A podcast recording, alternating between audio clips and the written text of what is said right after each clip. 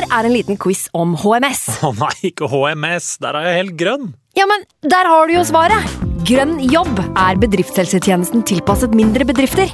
Våre HMS-eksperter hjelper mer enn 8000 bedrifter over hele Norge med alt fra lovpålagte HMS-krav til pålegg fra Arbeidstilsynet. Få på plass bedriftshelsetjeneste på grønnjobb.no. Hallo? Jeg kommer fra Oslo politikammer. Ine Jansen er purk. Er du purk? The motherfucking bitch. Alt jeg vil, er å finne ut hva som skjedde med mannen min. Jon Carew. Er jeg sikta for noe? Iben Akeli. Det er du. Ole So, Lars Berrum og Big Daddy Karsten. Hvem sin side er du på, egentlig? Anette Hoff, Tone Danielsen, Kommer du fra Afrika? Jørnis Josef, Nesten. Kløfta. Trond Espen Seim, Det er synd å si det, men det var feil mann som døde. Purk. Premiere tirsdag på TV2 Play.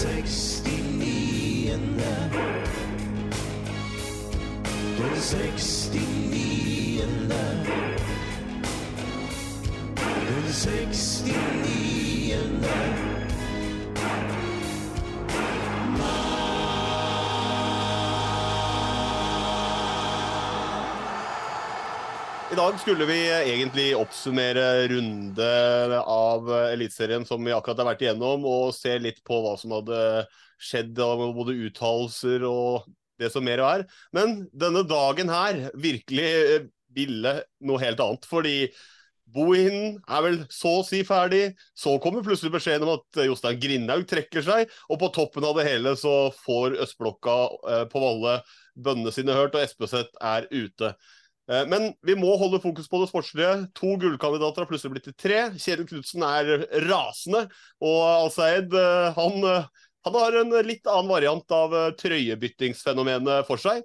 Og det er rett og slett tettere både topp og bunn enn det har vært så langt hele sesongen. Det er masse å ta tak i. Vi må bare egentlig komme i gang. Hjertelig velkommen til deg, kjære lytter, til en ny episode av Den 69. mann. Først og fremst, Jonas, du er dårlig. Ja, det kan du si. Eh, På dag eh, seks eller syv jeg ble dårlig under eh, deadline day-sendinga, eller overgangsspesialen vi spilte inn. Så har det bare blitt verre og verre. Så jeg var, til, var på legevakta i dag og hadde en smule høy CRP, kan du si. Det er bihulebetennelse for tredje gang i år, så jeg får bare bite tennene sammen. Men du har planlagt hele episoden, og vi hyller deg for det. Så Jonas er syk. Frank, du er vel fyllesyk som vanlig? Ikke pålegg meg noe her, selv om jeg har vært på fylla i fire dager, så er jeg bare stemmen som er borte, og formen er fin i dag, da. Så ikke, ikke verre enn at man starta på torsdag til Glimt eh, Sepsi og avslutta til Glimt HamKam i går. Ja. og- Laga trøstedrikking, altså. Det blir, se- eh, det blir sånn formen er. ikke du begynt å kalle det Glimt sexy? Det er, det er- er veldig karakterbrist til deg være, Frank. Men uh, du er i hvert fall ok, du er i hvert fall i form. Uh, og Arskan, du er alltid i form. Alltid i form, og ekstra god form i dag. Fytti Ja. rakkeren for en dag. Ja, det er bra dag. Og det er helt nydelig. Det, det bare ble bedre og bedre. Jeg sto opp tidlig, fikk meg en økt. Tenkte det her blir en fin uke. Vi er over streken. Null stress. Men det kan, kan det komme noe vri fra Vålerenga? Vålerenga pleier alltid å gi litt på Twitter. Så kommer den beskjeden om at Erik Espeseth er ferdig. Og det Jeg knakk en pils idet jeg kom hjem. Eh, spiste middag, stakk til eh, Valle, så førsteomgangen av eh, rekruttkampen. Eh, og rett hjem igjen eh, for å spille inn pod. Så for en Ja. mandag! Ja, for en mandag. Jonas, eh, da har vi fått oppdatering på gutta, men du har en egen liten oppdatering, eller skal vi kalle det annonsering, til eh, de som hører på, hører på det greiene her. Jeg la ut en liten teaser på Twitter tidligere i dag om at eh, vi, det skal komme noe mer fra oss uh, framover uh, nå. og Sommeren er jo snart over, og før vi vet ordet av det, så er det plutselig jul. Og uh, når vi går inn i desember, er det tradisjon med julekalender, og det skal vi òg ha. Det blir én episode hver dag fra 1. desember. Lengden på episodene blir å variere litt, men minimum 15 minutter. Eh, og så skal vi ja, vi skal ikke bare ha 24 episoder, vi skal ha med 24 gjester fra norsk fotball. Uh, og så blir det mest sannsynlig 24 premier, én for hver dag. Det jobber vi hardt med, og vi er nesten i mål. Og du lurer sikkert på hvem som blir gjest, men eh, det er jo det som er konkurransen der. Den som gjetter gjesten, som kommer neste dag, vinner premie. Og vi snakker da aktive spillere i Eliteserien, landslagsspillere, legender som har lagt skoene på hylla. Og så, ja, vi har vært i dialog med samtlige klubber i Eliteserien. Vi mangler bare svar fra tre nå. Eh, så det går sikkert i boks. Men eh, premiene vil da bli signerte trøyer fra forhåpentligvis alle klubbene i Eliteserien, kanskje òg landslaget. Eh, så ja, jobber med saken og kommer godt på vei. Så det her har jeg trua på skal bli veldig bra. Og så vet jeg at Arskan jobber med å få inn sponsorer til denne julekalenderen. Så hvis det er noen som er veldig interessert i det, så er det bare å ta kontakt. Ja, jeg veit i hvert fall at min taktikk er å svare på den konkurransen Levan Melkadze hver eneste dag i 24 dager og se om jeg treffer. Men eh, vi kan ikke bare ha dere kamerater på, på tråden her som alltid er med. Vi har også denne gangen med oss eh, gjest.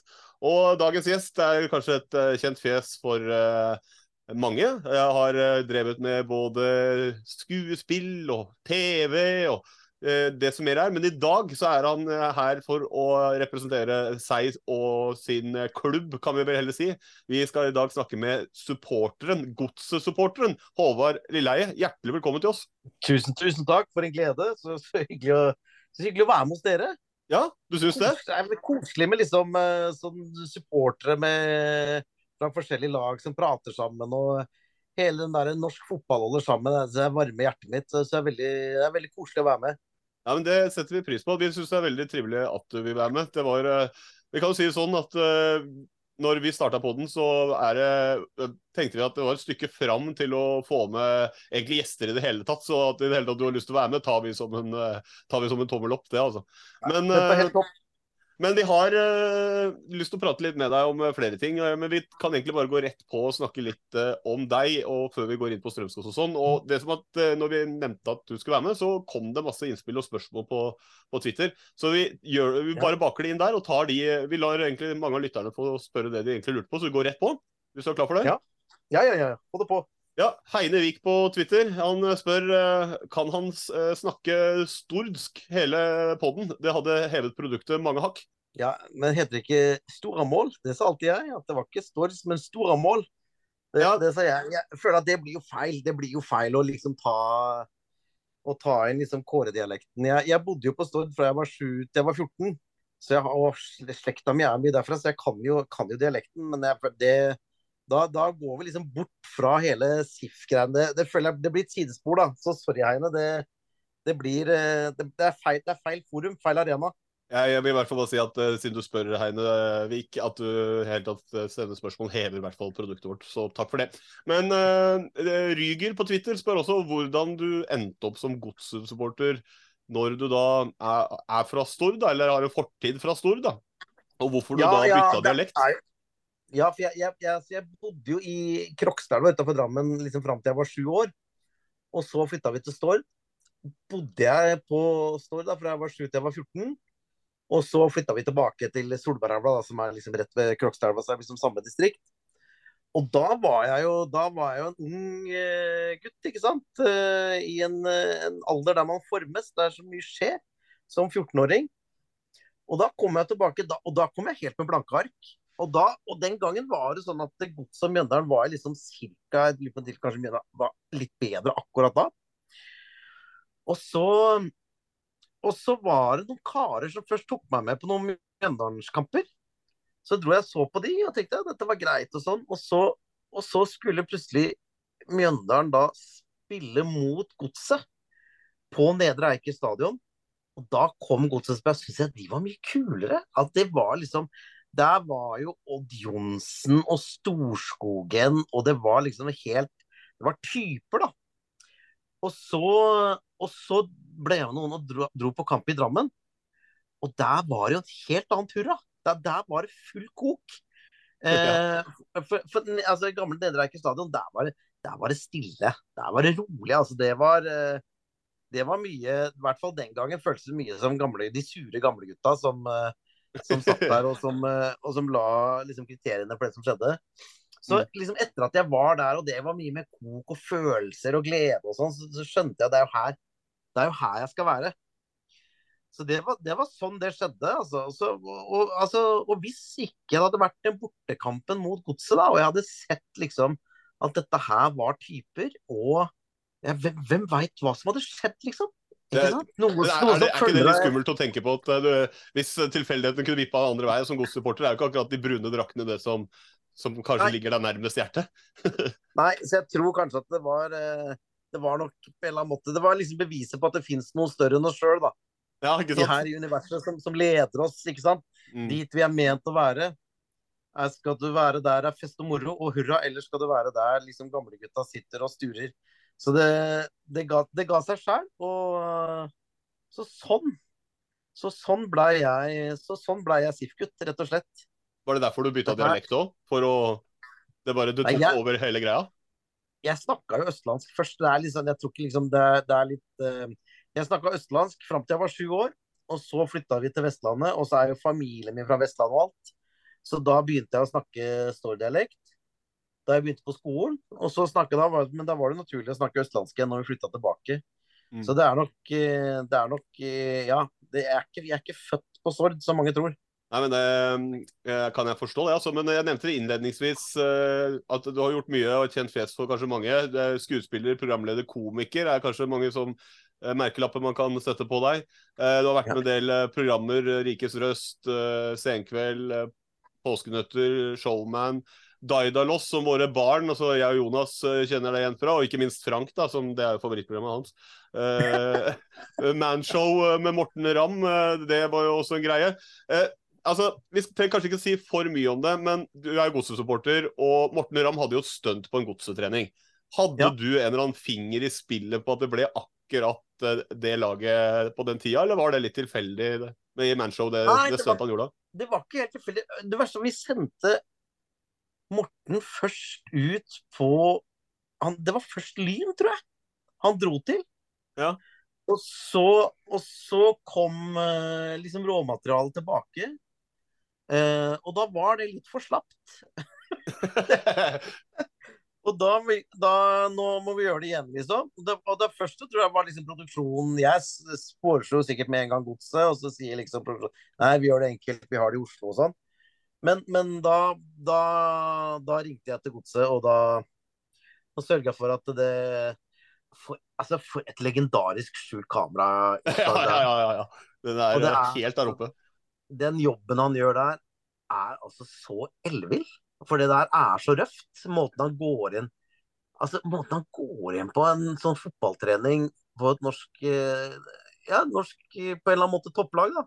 Det Selv om hadde ikke vært sosialt akseptabelt i dag, det, alt han sa der. Nei. Spurt, spurte Nei, Leo altså, man, kan jo, man kan jo si at det er sosialt akseptabelt hvis man legger det at det er en idiotkarakter som gjør det. Så, så, Det er så nydelig hvordan han får Leo til å gå og sladre til Dag Eile Fagermo. altså et sånt øyeblikk. Leo var veldig sint for det da veldig lenge, men nå, nå tror jeg det er greit igjen. Men det var eh, Ja, det Ja, den står som en Du vet, det er noe som liksom Man ser liksom ting man har holdt på med før og sånn, så tenker jeg oh, gud, det der liksom Det står seg ikke helt. Eh, men akkurat den der, gud, den, den føler jeg står til evig tid. Ja, faktisk. Vi kan eh, kanskje, Jonas, hvis du kan gi meg en tommel opp der, vi kan kanskje dele den for de av våre lyttere som kanskje ikke har fått med seg det, for det er et legendarisk klipp, for det tror jeg ligger der ute på uh, World Wide Web fortsatt. Skal vi bare hoppe videre? Du har jo den uh, filmen United, uh, som også var en uh, stor suksess. Der har vi også fått inn flere spørsmål fra, fra Twitter, og vi kan gå til Andreas Svendsen. Han er vikingsupporter for øvrig. Driver han fortsatt med spionasje som han gjorde mot meg og Finnås i United?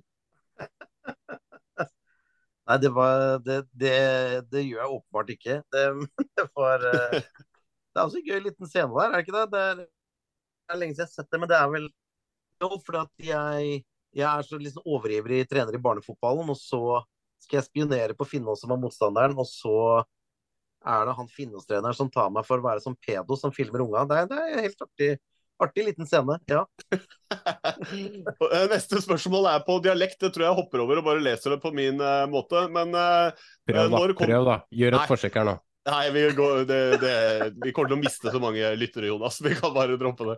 Eh, når kommer United 2? Vi fra Haugalandet undrer voldsomt på hvordan det gikk med Kåre. Eh, Fikk han en fotballkarriere i England, og gifta han og Anna seg på Old Trafford? Åh, ja, ikke sant. Det er, det er mange spørsmål der. Faktisk, ja, vi har et treatment liggende, vi, til, eh, til en, enten en film eller en miniserie eller et eller annet. Så jeg tror, altså, jeg tror hvis, hvis noen klarer å skaffe, la meg si f.eks. 12 mill. i spons fra lokale aktører på Haugalandet, som tenker at dette her er noe vi må få til, da, da, da gjør vi det. Da okay. gjør vi det. Så det, er, eh, det er, så det er jo langt under et sesongbudsjett for en eliteserieklubb. Det er jo en eh, halv Bodø-Glimt-spiller, det, Frank. ja, knapt det er ikke, ikke det engang. Det er ikke det engang. Så her, nei, så her Jeg tenker at her er det bare for, eh, her er det bare for lokale næringsliv. No, hvis noen prater sammen, og, og for, det, da, da setter vi oss ned og skriver det enda gøyere enn eneren, og, og kjører på.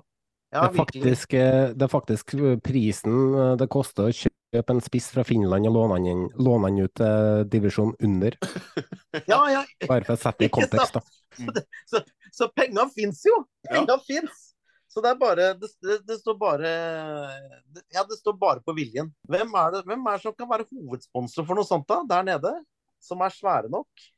Oi, det Arskan, har du, har du noe tips, du som er i markedsføring og bransjen, om noen på Haugalandet som kan bla opp 12 mil for å få en oppfølger på United?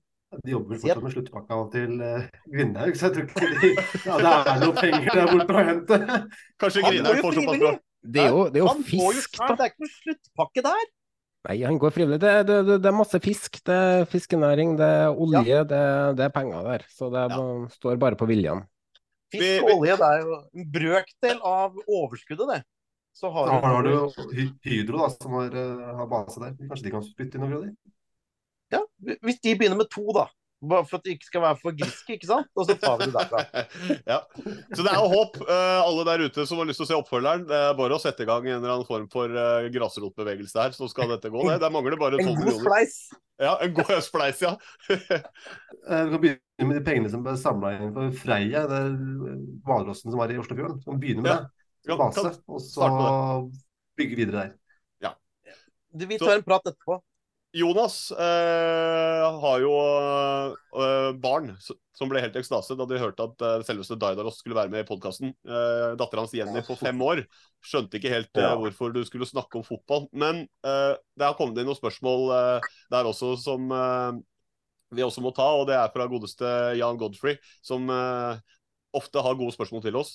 Hvis Dardalos skulle hatt inn en spiller fra Eliteserien som robot i Labyrinten, hvem skulle det vært? Hvilken eliteseriespiller ville han mest likt å se slimet? Ja, eller å slime ned barna, da. Må jo være eh, Så hvem Det må jo være noen ah, Det er et godt spørsmål, egentlig. Det, er, det faller altså, Jeg dras mot Valsvik litt her. Altså, for han har jo den der evnen til å bryte foran og være aggressiv. Eh, samtidig som han ikke er den aller raskeste i Eliteserien, sånn at unga har litt sjanse til å komme unna. Men, men, men så får han alltid inn taklinga i siste sekund. Jeg tror jeg kjører, jeg tror jeg kjører Gustav på den, altså. Ja. Ja. Der, Det der er et alternativ til, da. Berisha. Hvis han får nok penger, så gjør ikke det noe for han å slime ned et par unger, altså. Er det blir, for, blir for intens, vet du. Barna blir redde. Ja, det, det, det, blir, det blir for skummelt. Det var det vi hadde på Daidalos-fronten. Altså. Eh, Vi skal eh, bare ta det enkelt. Eh, Hva, Ja, ja. hva gjør du akkurat nå? Hva er planene framover for, for deg nå? Faktisk så har vi gjort ferdig to Eller vært, gjort ferdig innspilling av to labyrintsesonger. Eh, og så har jeg liksom liksom får jeg noe opptak nå utover på forskjellig. Og så er det, er det vel noe Jul i Blåfjell-forestilling som kommer etter hvert. Så det er litt sånn eh, Det er litt sånn hist her og der, egentlig. Så, så men eh, ja, så er det vel De driver vel og klipper på Labyrint nå, da. Så er det vel inn og gjør noe ettersynk at dette er kjedelig å høre om. Men uh, i hvert fall, det, det, det tusler og går i min verden. Og Har du noen fotballrelaterte planer? da? Vi, er, vi vet at vi er 12 mil unna av en uh, United 2, men har du noe annet eh, du kunne tenkt deg å gjøre eller har på agendaen her nå? Nei, altså, for meg er jo Altså, jeg, det er veldig enkelt hvordan jeg følger fotballen, liksom. Jeg, jeg følger godset. Uh, er på alle hjemmekamper som jeg klarer. som liksom lar seg kombinere med livet ellers. Og så, og hvis jeg får meg en tur på Anfield i året for å se litt engelsk, så da er liksom Det er liksom dekket Jeg har ikke så, eh, ikke så høye forventninger til hvordan det altså Jeg må bare prøve å skaffe tid til alltid å kunne se godset. Eh, og så liksom prøve å følge Men så etter jeg fikk eh, Ikke sant, nå har jeg en Jeg er jo på runde to år nå, så jeg har en liten en som snart blir Som blir to år i november. Så det, det er mye vanskeligere nå det der liksom med å følge ligaen tett. Det syns jeg er krevende. Så hvis det måtte vært noe så måtte det vært liksom, å få tilbake den tida til liksom, at du liksom sitter og ser alt.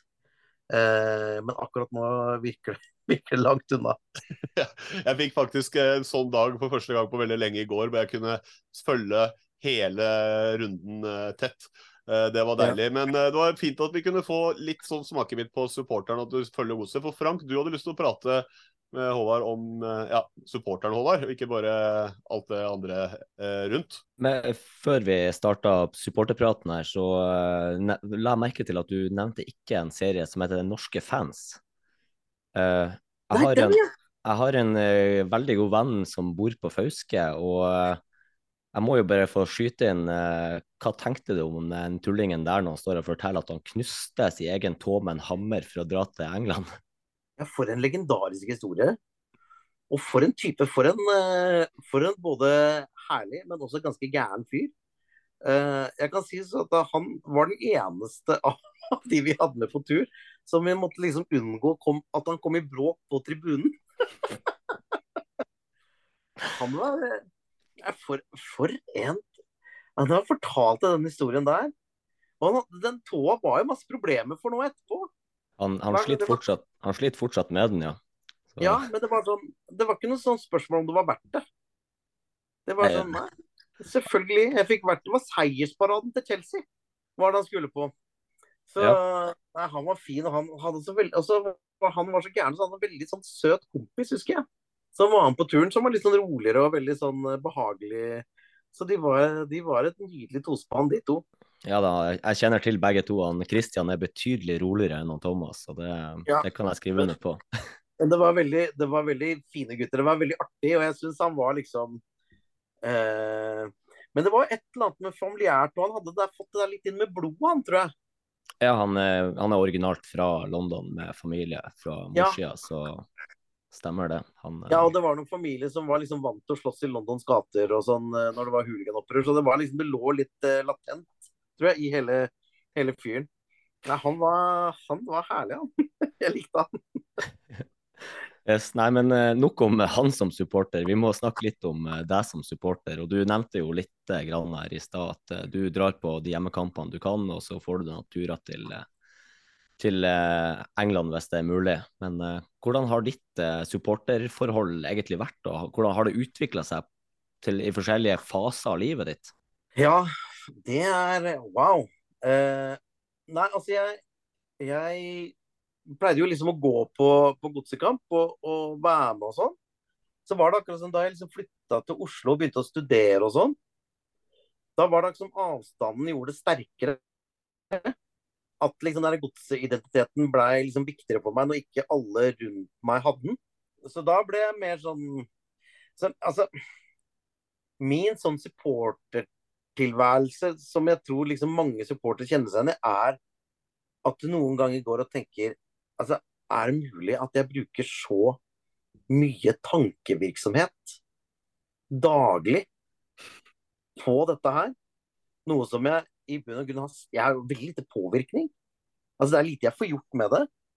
Men hvor mye jeg liksom bekymrer meg og tenker Å, herregud, åssen går det med dem der nå på Marienlyst stadion?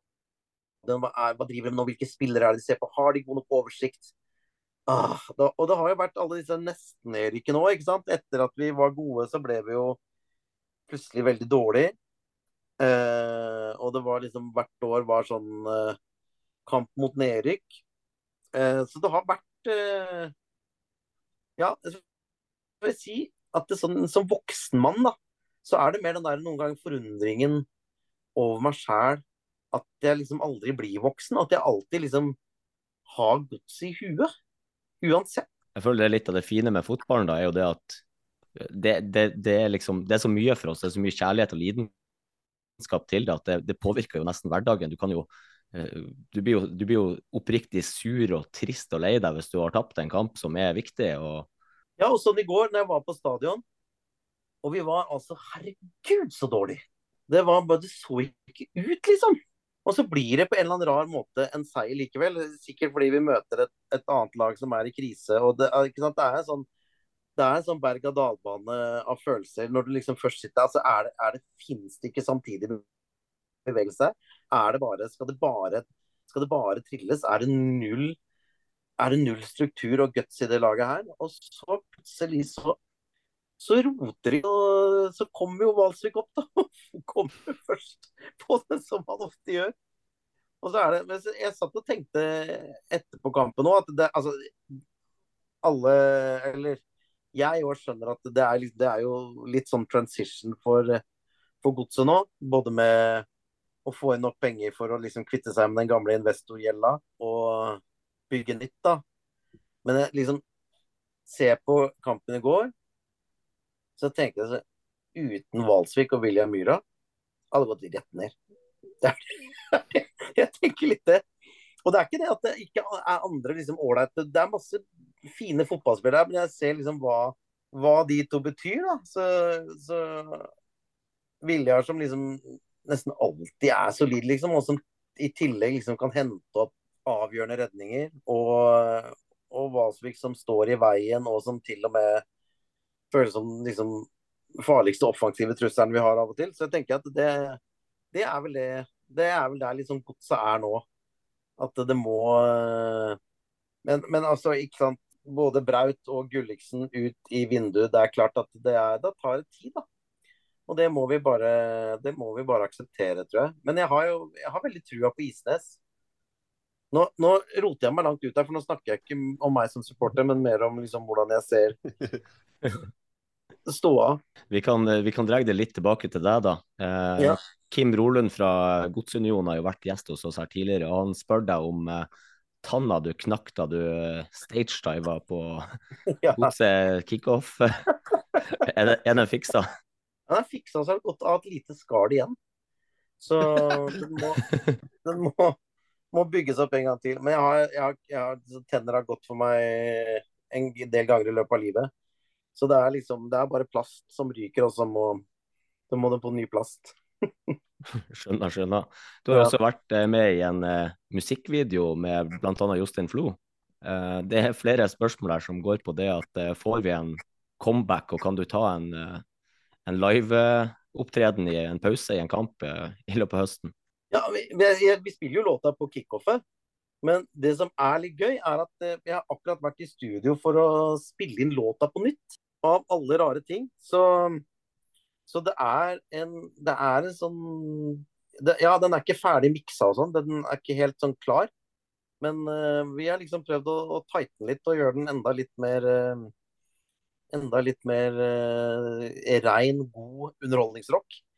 Eh, så, så, det kommer i hvert fall Det kommer en nyinnspilling av låta. Jeg har lyst til å lage en ny video òg, egentlig. Så For de av lytterne våre som ikke har hørt den låta, hva heter den låta hvor kan, før den nye kommer, da, så kan man jo sjekke ut den hvis man ønsker det. Ja, det, det, ligger noe greier på YouTube der. Det gamle greiene heter Samme for meg, bare godset vinner. Stemmer. Jeg var inne og kikka på den i, den dag. Ja. Jostein Flo i senga med et par damer der og ja, ja, dro, dro, av seg maska, og så var det deg. Det sies at det var Vegard Bjørge og Ronny Blekkan som har sendt inn de spørsmålene. Nei, den er det, det, eh, så jeg har lyst til å lage en liksom video der vi har liksom bilder av oss fra liksom den gangen. Da vi er sånn babyface. Og så nå som uh, skjegget er hvitt og liksom ting er litt annerledes, så liksom lage liksom godset da, nå og for alltid. Og det tenker jeg har vært uh, det kunne vært fint. Ja, Så det blir video òg? Jeg håper det, da. Hvis jeg klarer å røre meg til noe arkivopptak som gjør at noen kan sitte og klippe og sette sammen og filme noe nytt. Men jeg har ikke jeg, Mangler bare tolv mil, si den, den, er nok litt rimelig.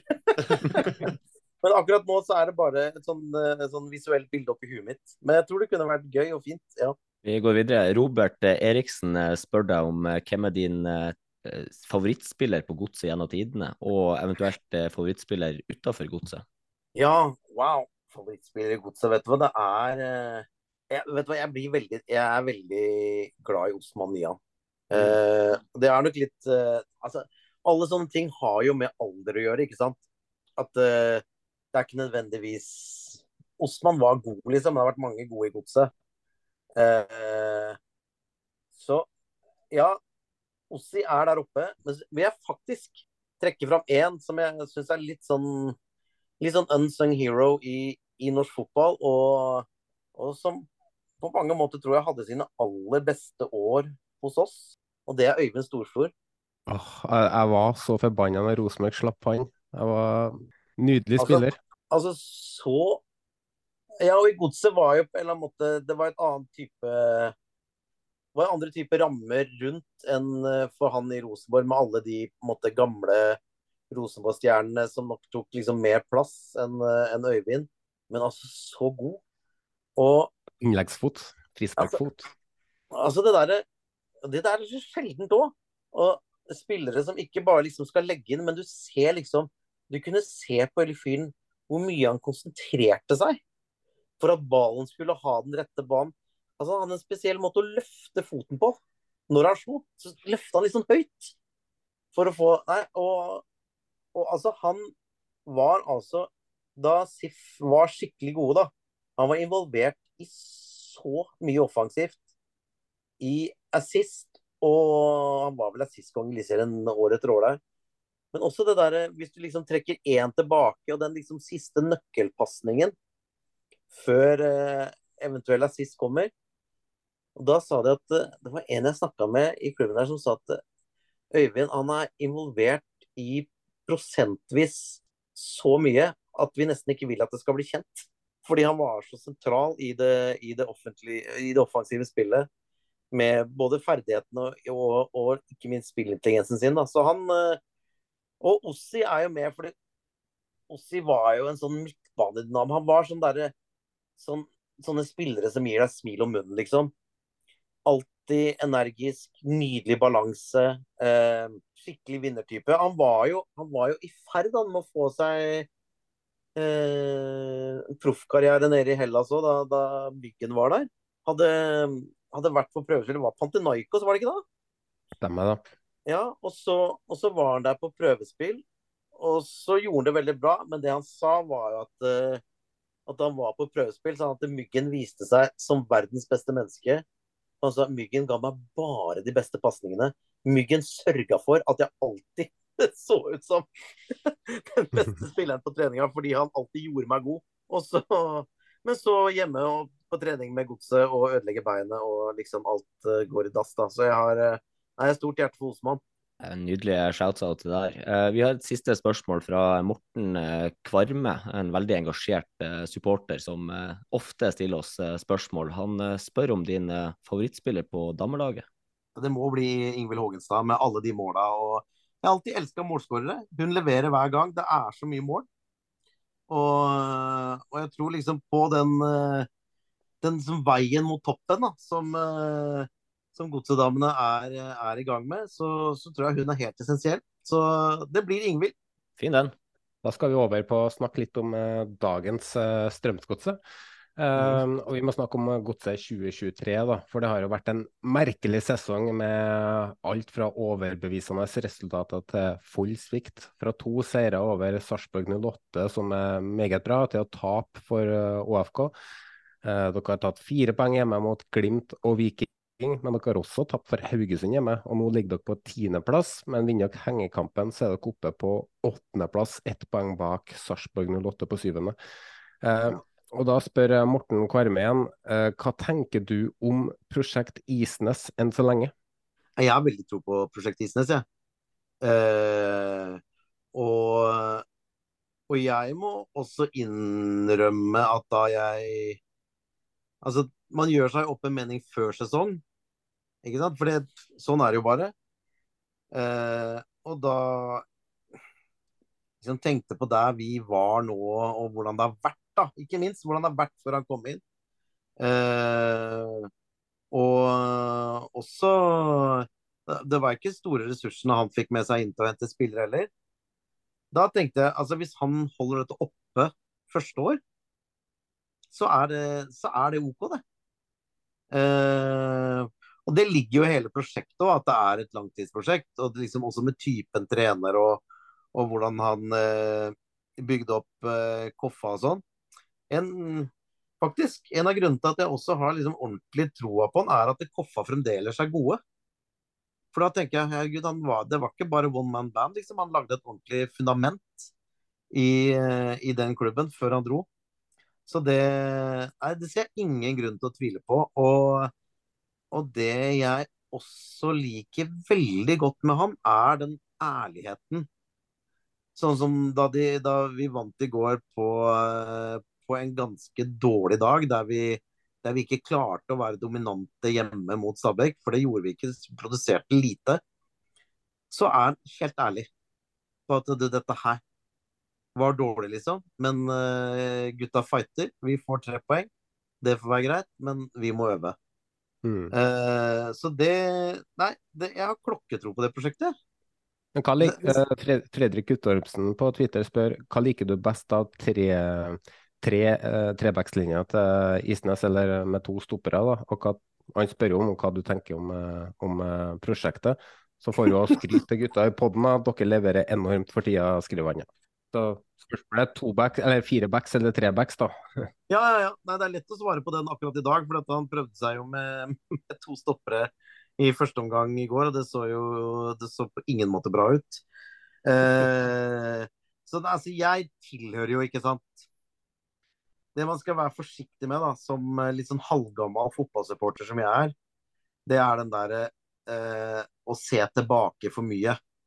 For jeg er jo som mange, mange norske fotballfans har en veldig dragning mot 4-3-3 og elsker 4-3-3 som funker, ikke sant. Et 4-3-3 som bare pumper opp. Um, men det var Du ser på Marskan, hæ? Ja, men, men, der, ikke sant? Det, det, ble jo prøvd nå i starten i år òg. Eh, gikk dårlig. Eh, og så ble det lagt om.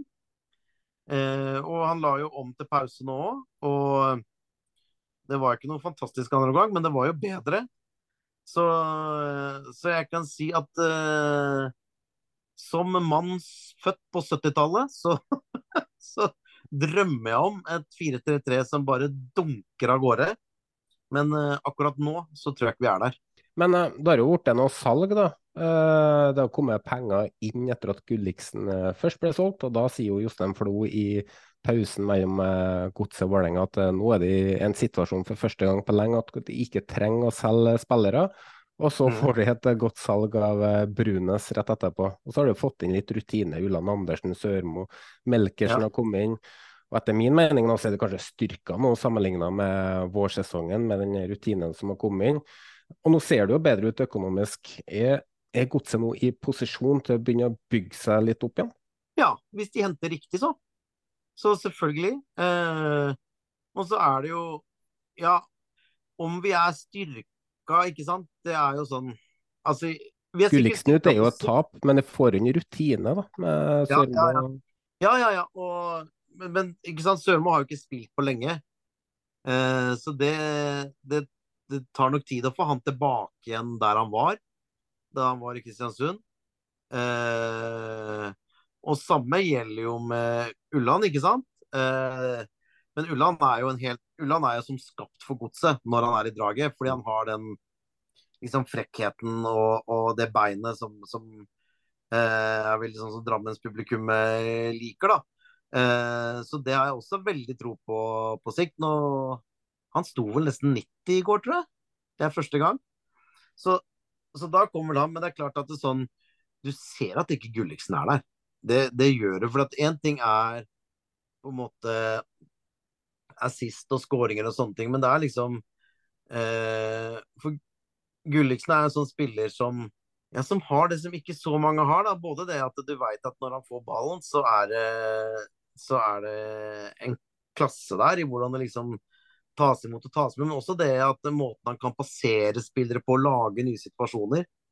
Eh, så det er klart eh, at vi savner. Så kan det jo hende òg at, eh, at det er grunnen til at den siste formduppen også har veldig At det har veldig betydning at Wilsvik har vært ute med skade. Eh, for han også har jo litt en X-faktor med, med å kunne ha legg som, som faktisk blir noe, da. Så ja, jeg tror nok kanskje vi er, er styrka på sikt, men ikke så mye fra dag én, kanskje. Ja, men hva tenker du om eh, framtida, da? Eh, nå med penger inn og Isnes. Hvor, hvor er godset hen om eh, fem år, hvis du, hvis du, skal svare kort på det? Ja, det er et godt spørsmål. Nå er det jo Det som er med norsk fotball nå, er jo at det er jo en del klubber som er på en eller annen måte, selv om de sikkert varierer i egne huer, så er det jo Ikke sant? Det er jo to klubber som på en måte alltid er gode nå. Det er Molde og Glimt. Hvis du liksom Ikke, sant? ikke hvis du trekker mange år tilbake, men sånn de siste åra. De er bra. Eh, og de har skikka seg så vel på sikkert hver sin måte, men begge har ressurser. Eh, og nå ser jo Viking bra ut. Eh, Tromsø er jo helt ekstremt overraskende bra. Så det er klart, ja, det må jo være å få laget oppi den gruppa der, da. Med de si liksom fem-seks lagene som er de bedre i Norge. Det må jo være målet. Mm. Eh, men da, jeg tror at for å få til det, så må det gjøres veldig mye riktig spill, i spillerekruttering. At du må få tak i folk i riktig alder som du kan utvikle. Sikkert sånn som, som stort sett alle klubber tenker. Eh, men, eh, men, det er klart, det er jo ja, På en eller annen måte så virker det jo utrolig langt fram.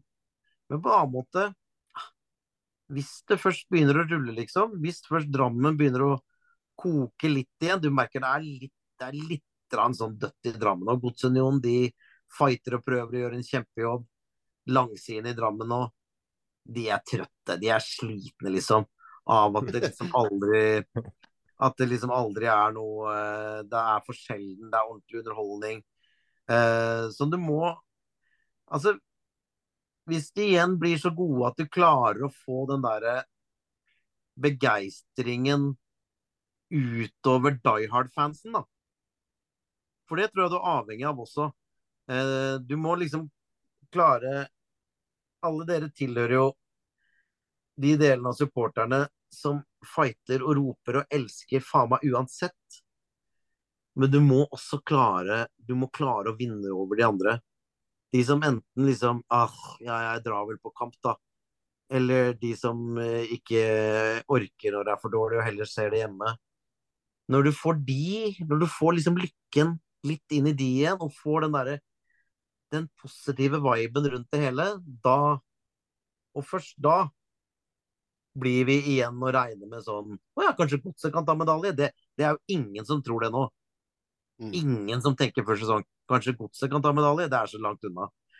Så det, fordelen er jo at jeg tenker også at det er en klubb og en by som tenker og skjønner at uh, vi er et stykke unna. Ikke sant? Det er jo problemet med, med noen av de liksom fallende storhetene. At det uh, at, det, at det skuffelsen over å ikke liksom være der oppe hele tida blir så stor at, uh, at det blir sånn liksom nærmest mørke rundt klubben. da. Og Vålerenga har jo hatt Rosenborg har det jo selvfølgelig. Eh, og det Ja. Så det er, eh, det er den derre Men det tror jeg er liksom nøkkelen også for, for alle klubber. Også, også som Rosenborg, som har liksom levert uh, under det Trondheim forventer så lenge nå. At så lenge det er sånn derre Ja, ikke sant, det derre mørke rundt Vi må bare omfavne. Nå er vi ikke i nærheten av det vi var. Vi må liksom bygge Det er klart at i hvert årskull i Trøndelag så er det i hvert fall så finnes det to fyrer som på sikt er gode nok til å spille på Rosenborg. Du må liksom starte der. Og så må du bare tenke vi skal slå nedenfra. Men hvis du alltid bare tenker på den gangen du var liksom Reiste rundt i Europa og herja, så, så blir det aldri gøy å slå nedenfra Eliteserien. Så du må liksom omfavne det, tror jeg.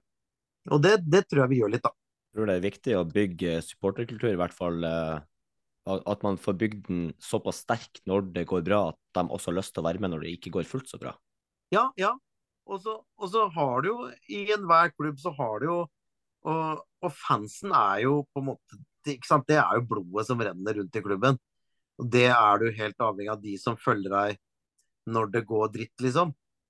Men, øh, men jeg tror i hvert fall i Drammen så må du også komme dit at du at du fenger de som, øh, som, som, ikke, som ikke klarer helt å la seg begeistre før noen andre ute på banen har begeistra dem først. Det var vel eh, det du hadde planlagt, eh, Jonas, var det ikke det? Hvis ikke jeg tar helt feil. Men jeg kan, kan, jeg også svare kort på hvor prosjekt Isnes er om fem år? Ja. Jeg, jeg tror det er på Valle. På Valle Hovin. Der har prosjekt Isnes flytta seg til. Jeg er veldig stor fan av Jørgen Isnes, Håvard, så jeg håpa jo i det lengste at uh, kanskje han skulle være en kandidat på Valle. Men uh, jeg har også veldig troa på Isnes og det han holdt på med i Godset, så det blir spennende å se. Men uh, noen som man kanskje ikke, har, eh, ikke er vits i å ha like trua på lenger, eh, er det vi skal snakke om nå. Vi må over til eh, ja, dagens lille Skal vi kalle det adjø-situasjon i norsk fotball.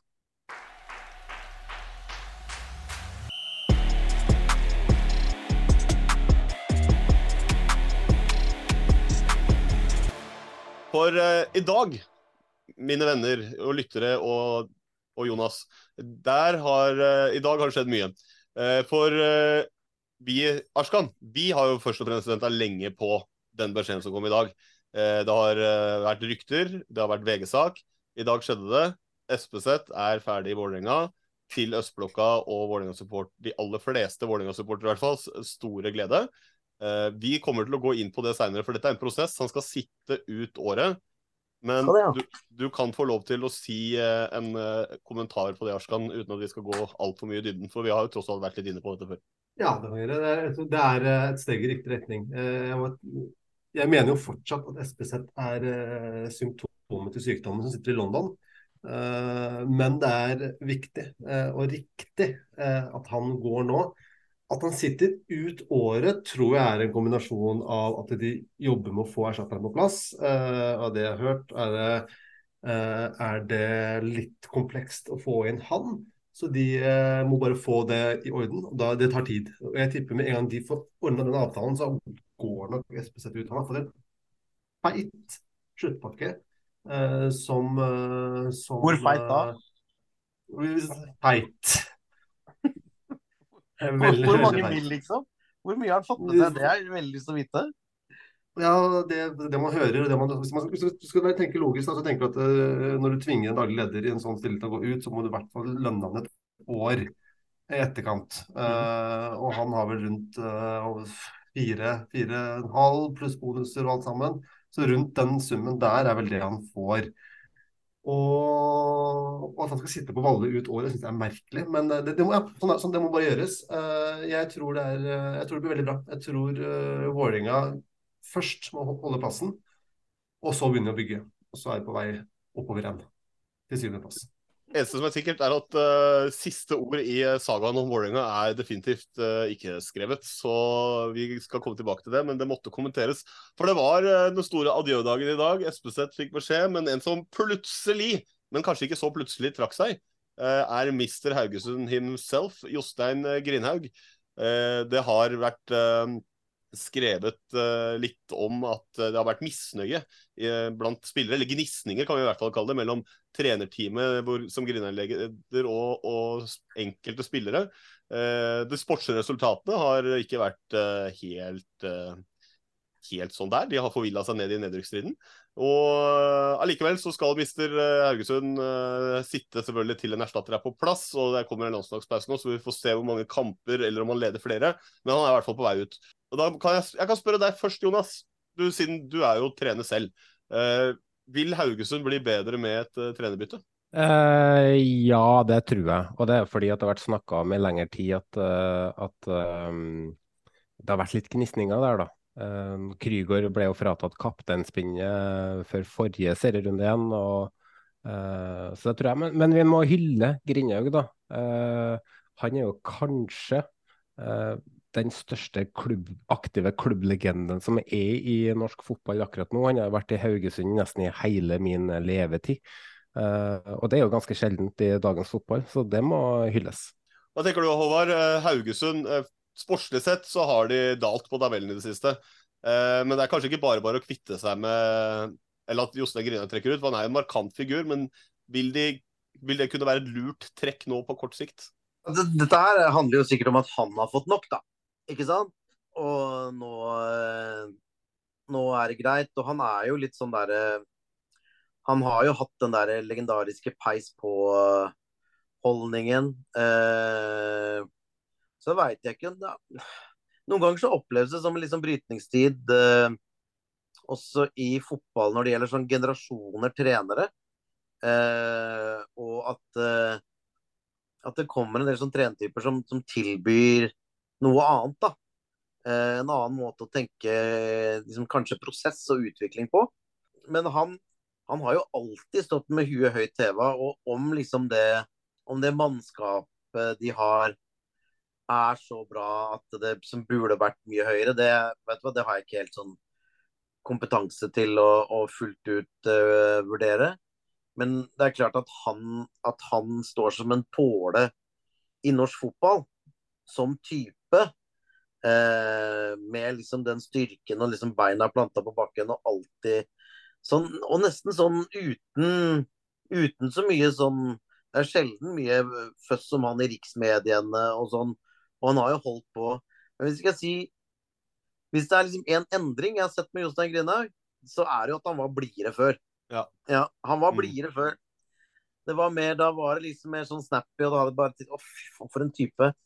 Eh, så og det, Tenk deg så lenge han har holdt på. Det er jo ikke rart han er litt sliten og lei òg. Altså, han var jo ferdig som trakk jo seg i 2015 og ble sportssjef. Og så gikk jo Horneland til Rosenborg i januar 2019, og da kom han inn igjen som hovedtrener. Så han, det var jo egentlig bestemt for åtte år siden at han skulle gå av som trener, og så har det tilfeldighetene gjort at han har fortsatt. da. Ja, så tenker jeg, Hvorfor har han blitt all den tida? For det virka jo som da han kom inn til Hordaland, så var det jo nesten sånn følelsen at det er ingen andre som kan, så jeg må bare ta det. Og så har det liksom bare fortsatt, eh, fortsatt eh, så lenge. For da har du kanskje også en fyr som ikke, som ikke nødvendigvis har det å være hovedtrener som liksom det aller viktigste han kan gjøre i livet, da. Så, så Men vi må jo nesten se litt på aktuelle kandidater til å ta over òg, da. Har du noe navn der, eller? jeg har, der har jeg faktisk en Der har jeg én tanke, og det er Eirik Mæland. Som Mm. er jo, gjorde det jo veldig bra i Kongsvinger.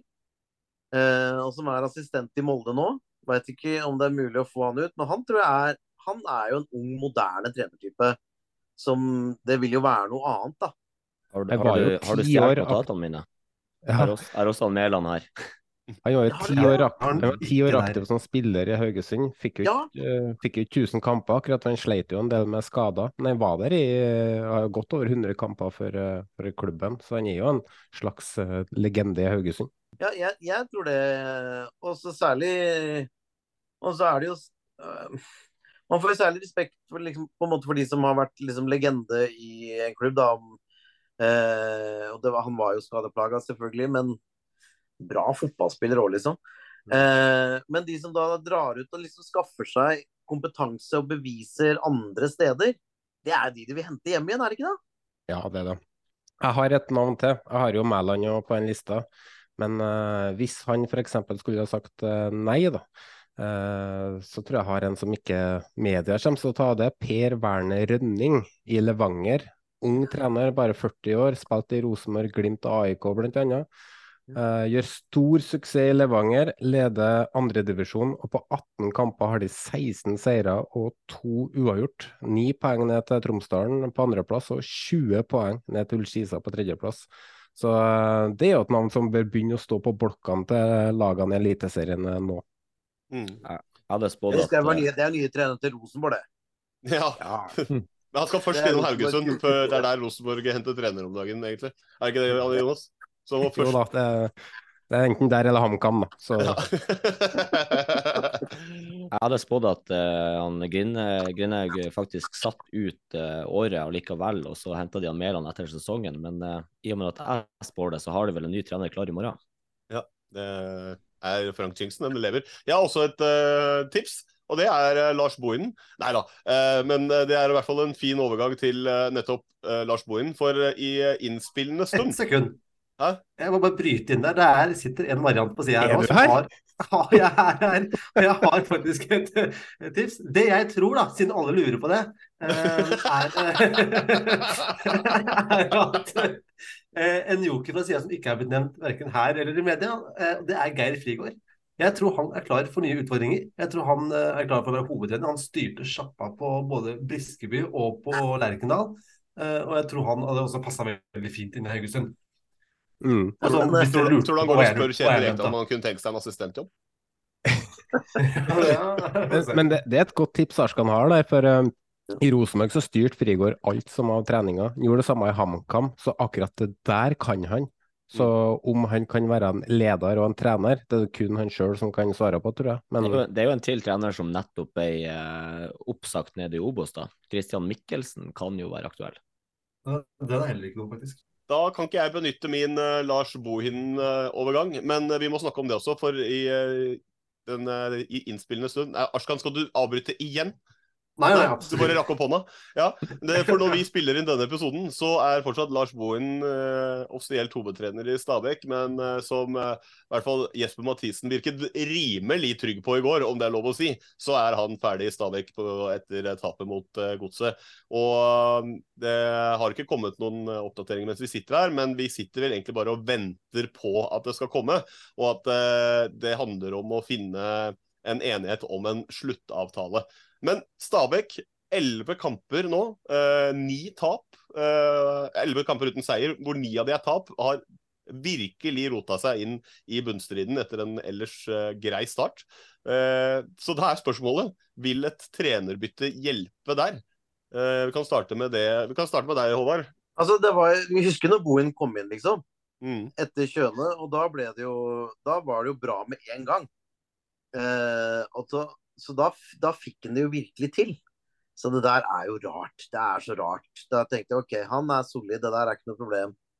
Og nå er det på huet og ræva ut. Um, han er jo det er, klart det, kan, det klart det kan hjelpe med en ny trener der, når det har gått uh, så i ball for dem. Og jeg har, jeg, har en, jeg har, en, drømmekandidat. Du har det, ja? Få høre. Ja, jeg tror det er vanskelig å få tilbake, men min drømmekandidat er Bob Bradley.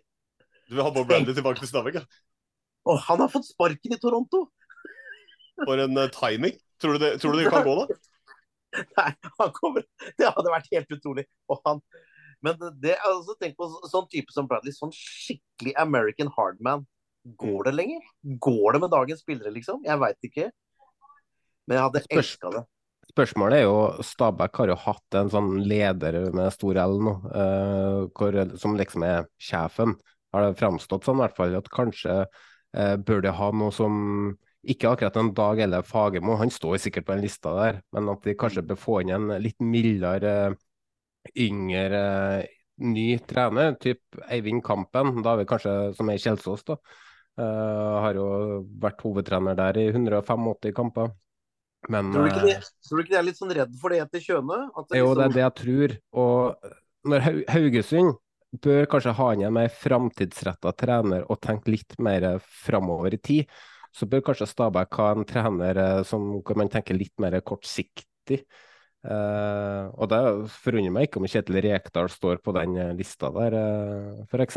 så kan Henning Berg komme inn for noen år siden og skulle berge stumpene. Og, Tror du Leif Gunnar Smerud er på blokka?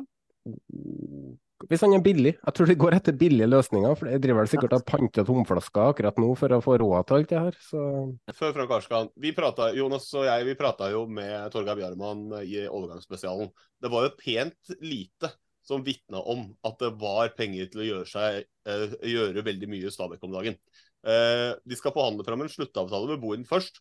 Det at du mangler penger, det vil jo prege det her òg. Så hvem kan de da faktisk hente? Hvem har de råd til å hente? Fordi de hadde jo egentlig ikke råd til å hente spillere. Det var jo snakk om å hente inn Afar Karadas som assistenttrener nå, så det var jo tydeligvis råd til å ansette en ny mann i teamet. Så hvorfor skal ikke ha råd til å ansette en ny trener da? Men Frank Arskan, hvem, de, hvem kan de hente, da? Nei, det er, jo, det er, jo, fort å tenke på de her, eh, kall det de her resirkuleringene som på en måte har blitt sparka enten eh, nå eller tidligere. Jan Frode Nordnes, eh, Fagermo, Lars Arne Nilsen. Men en, en, trener som burde være på blokka til begge klubbene, og jeg tror ikke de får han, men det er han eh, Mikjal Thomassen i Fredrikstad. Han gjorde store ting på Færøyene med Klaksvik, og nå rykker han opp med Fredrikstad. Han kommer aldri til å forlate Fredrikstad, men de burde ha han på blokka, i hvert fall. Vi kan ikke kjøpe ut en trener, tror jeg. Jeg, jeg, jeg tror eh, altså Karadas var veldig på vei inn, iallfall før han eh, Bohinen eh, var i ferd med å få sparken. Jeg tror de henter en midlertidig trener ut sesongen, eh, og så får de en fasit på om det er eliteserie neste år eller ikke. Eh, og hvis de beholder plassen, så kommer jeg til å sette en liten slant eh, på at Eirik Mæland er ny Stabæk-trener fra 1.1. Uh, og det er, jeg, jeg han drar til Haugesund, uh, fordi uh, samboeren hans bor i Oslo. Å bo langt fra samboeren er ikke noe han ønsker. og så er det Hvis han først skal forlate Molde, så drar han da hjem igjen. Jeg tror det er på et nytt eventyr med det første. Altså, hun, Tollnes hun sa jo til oss det at hun var uaktuelt å flytte til Molde, men det er jo bare for at det er Molde. Tror du ikke hun har lyst til å flytte til Haugesund? Nekter jeg unner ingen å bo i Haugesund. Jeg har vært, jeg har vært opp, Kjels Johansen, en god kompis av meg, han spilte for FKH. Jeg har besøkt ham et par ganger. Det var det beste var å bare reise derfra. Vi må bare si til alle, vi må bare, vi må bare si til alle fra Haugesund som hører på, Arskan snakker på vegne av seg sjøl, så ja. alle har rettesmord. Og der kom Arskan-øyeblikket hvor han hissa på seg uh, Twitter i denne runden. Så vi andre, vi andre elsker Haugalandet. Ja, så da, da lar vi eh, Askans eh, slakt av Haugesund som bosted være siste ord i trenersparkingsdebatten for denne gang. Eh, vi må rett og slett eh, se om vi klarer å få oppsummert runde 21 av årets eliteserie. Jeg trenger å gå inn på det. Eh, men jo, eh, hei. Velkommen. All right. All, right. all right. All, all, all, all right. All, all, all, denne gangen har vi valgt å gå fra de kampene, den kampene som, hadde, kampen som hadde minst mål, til den kampen som hadde mest mål. Så vi sparer ja, Kan vi si det mest underholdende til slutt, kanskje? Vi får se. Men uh, det var i hvert fall en runde med ganske mange mål, uh, og mange fine mål. Uh, til tidvis bra keeperspill, til tidvis helt horribelt keeperspill. Vi har eh, også hatt problemer med å, å, sette opp rundens lag, fordi det var enten så var folk kjempegode i samme posisjon, eller nesten ingen som skilte seg ut. Eh, vi lå til en 2-5-3-formasjon en periode der. Ja, vi var innom der helt til uh, vi kom på Men hva vil nisselue på si? Vi kan ikke sette opp et juletreformasjon, så vi må videre. Eh, gullduellen gikk fra to til tre, uh, og bunnstriden strekker seg fra 16. til hva da, 11. plass i øyeblikket. Eh, så ja, vi har masse å ta tak i. Vi går rett på Brann Sarpsborg 08. 1-0 til eh, Bergens stolthet. Arskan, du så kampen. Hva sitter du igjen med? Ja, det, det er ikke så veldig mye. Jeg satt det var ganske redusert av kampen. Og det var en veldig kjedelig førsteomgang. Og Huseklubb eh, oppsummerer det relativt bra. Ja, ikke akkurat den beste kampen vi har spilt. Og det er helt riktig, de gjør akkurat nok til å ta tre poeng. Første omgang var det var ikke så veldig mye å rapportere derfra. Hvis du går på VG Live, så er det kanskje tre setninger. Um, dårlig, dårlig flyt i kampen. men Brann har noenlunde kontroll. Uh, de vinner fortjent til slutt, selv om uh, eh, 08 har, uh, har et par feite sjanser på slutten. så er det straffene. Um, Bård finner først som bommer, og Sivert Nilsen som skårer. Og så er det omdiskutert Eller er det omdiskutert? Jeg aner ikke. Jeg, føler hens-regelen endrer seg annenhver runde. Det, det, det, det, er ganske grei den hensen der, men det er jo det at det blir gult kort som er bak høl i huet der. Ja, men ja. Man, man, skjønner ikke, og det, og det er jeg tror unison enighet om at det ikke skal være gult kort, men dommeren, dommerne nekter jo til selvkritikk. Alt det de gjør er jo riktig. Dommere uh, forholder seg til paragrafer, og de har jo ikke skjønt for fotballen som spill. Det er jo der dommer, Dommeren har jo ikke spillforståelse der. Det er derfor han gir det gule, for han følger en paragraf. Det der er jo men, men ingen, den paragrafen der sier ikke at det er gult kort, for den går via foten og så inn i en medspiller. Og så hva er det han skal, gjøre med armen sin? Hva, hvordan skal, liksom, liksom, Greit at det dømmes straffe, det, det er, det er klink hands. Men hvordan skal han fjerne armen sin i tide når ballen kommer fra noen og 30 cm unna? Det er helt umulig. For meg så er det mangel på, på spillforståelse fra dommer at han gir det gule. Men eh, altså, Frank må passe på at ikke du blir nummer to fra Bodø-Glimt som snakker på deg karantene for å hakke på dommerne. Så vi tar og gir det til eh, Håvard her. Eh, Brann, er de fortsatt med i topp fire-kampen, tror du? Hva tenker du der? Jeg syns det har vært noe solid. at det, sant, De starta jo så bra. Og så kom disse salgene og skadene, og da ble de dårligere. Så jeg er ganske imponert over at de liksom klarte å liksom komme tilbake. Så det er, det er ganske solid, altså. Topp fire, ja da må jo noen andre feile, da. Eh, men nei, det, det, er ikke umulig. For, uh, vi kan jo ta, vi kan jo ta i hvert fall uh, det vår uh, tidligere gjest Røskeland sier kort om kampen som var der, er at det er tydelig at gutta har hatt en mental og fysisk utladning. Det er en slitekamp, det er en sliteseier. Er ikke det et tegn Jonas, på at man egentlig er i stand til å kunne få til en ganske solid høstsesong når man er litt sånn på stålet etter den uh, playoff-kampen? Ja, jeg syns det. Man må huske at uh, Brann-spillerne har 120 minutter i beina uh, fra torsdag med full stadion, full trøkk. En kamp de virkelig har sett fram til. Og så ryker det ut på ekstraomganger, og da får du en liten sånn uh, mental breakdown, skal jeg si. Og så klarer du å reise seg og slå et såpass bra fotballag som Sarpsborg, som har 7-0 siste to kampene. Det syns jeg er ordentlig sterkt. Og da handler det bare om å få de tre poengene. Nå er det en høstsesong uten europacupspill. De skal kjempe med Molde om, uh, og, og, Tromsø og, og, kanskje til og med Glimt hvis de vil slite Europa, hvem vet. Men eh, topp fire bør være innenfor rekkevidde for uh, Brann akkurat nå, som ikke har Europa å tenke på. Og jeg syns jo de har gjort et bra overgangsvindu og fått inn Soltvedt på venstrebacken der. Og, og, så har de jo fått inn han Står der stilt, Frank? fra Kristiansund. Kartum, selvfølgelig. Eh, som er en eh, strålende indreløper. Så jeg tror jeg har trua på Brann i høst. Men eh, Lillestrøm, da. De har du kanskje sett nå. Er sesongen over der? Er det liksom eh... Ja, litt, kanskje. De har jo Litt overraska. Det er jo sterkt av Ålesund, da. De er, for det er jo litt sånn Det er jo noe kvalitet i det Lillestrøm-laget. Eh, og så vil de jo spille mer sånn eh, De vil jo spille litt mer og litt sånn enkelt fremoverretta med Eirik Bakke. Så er det jo så er det om, om det er nok, da. Det er ganske bra mannskap.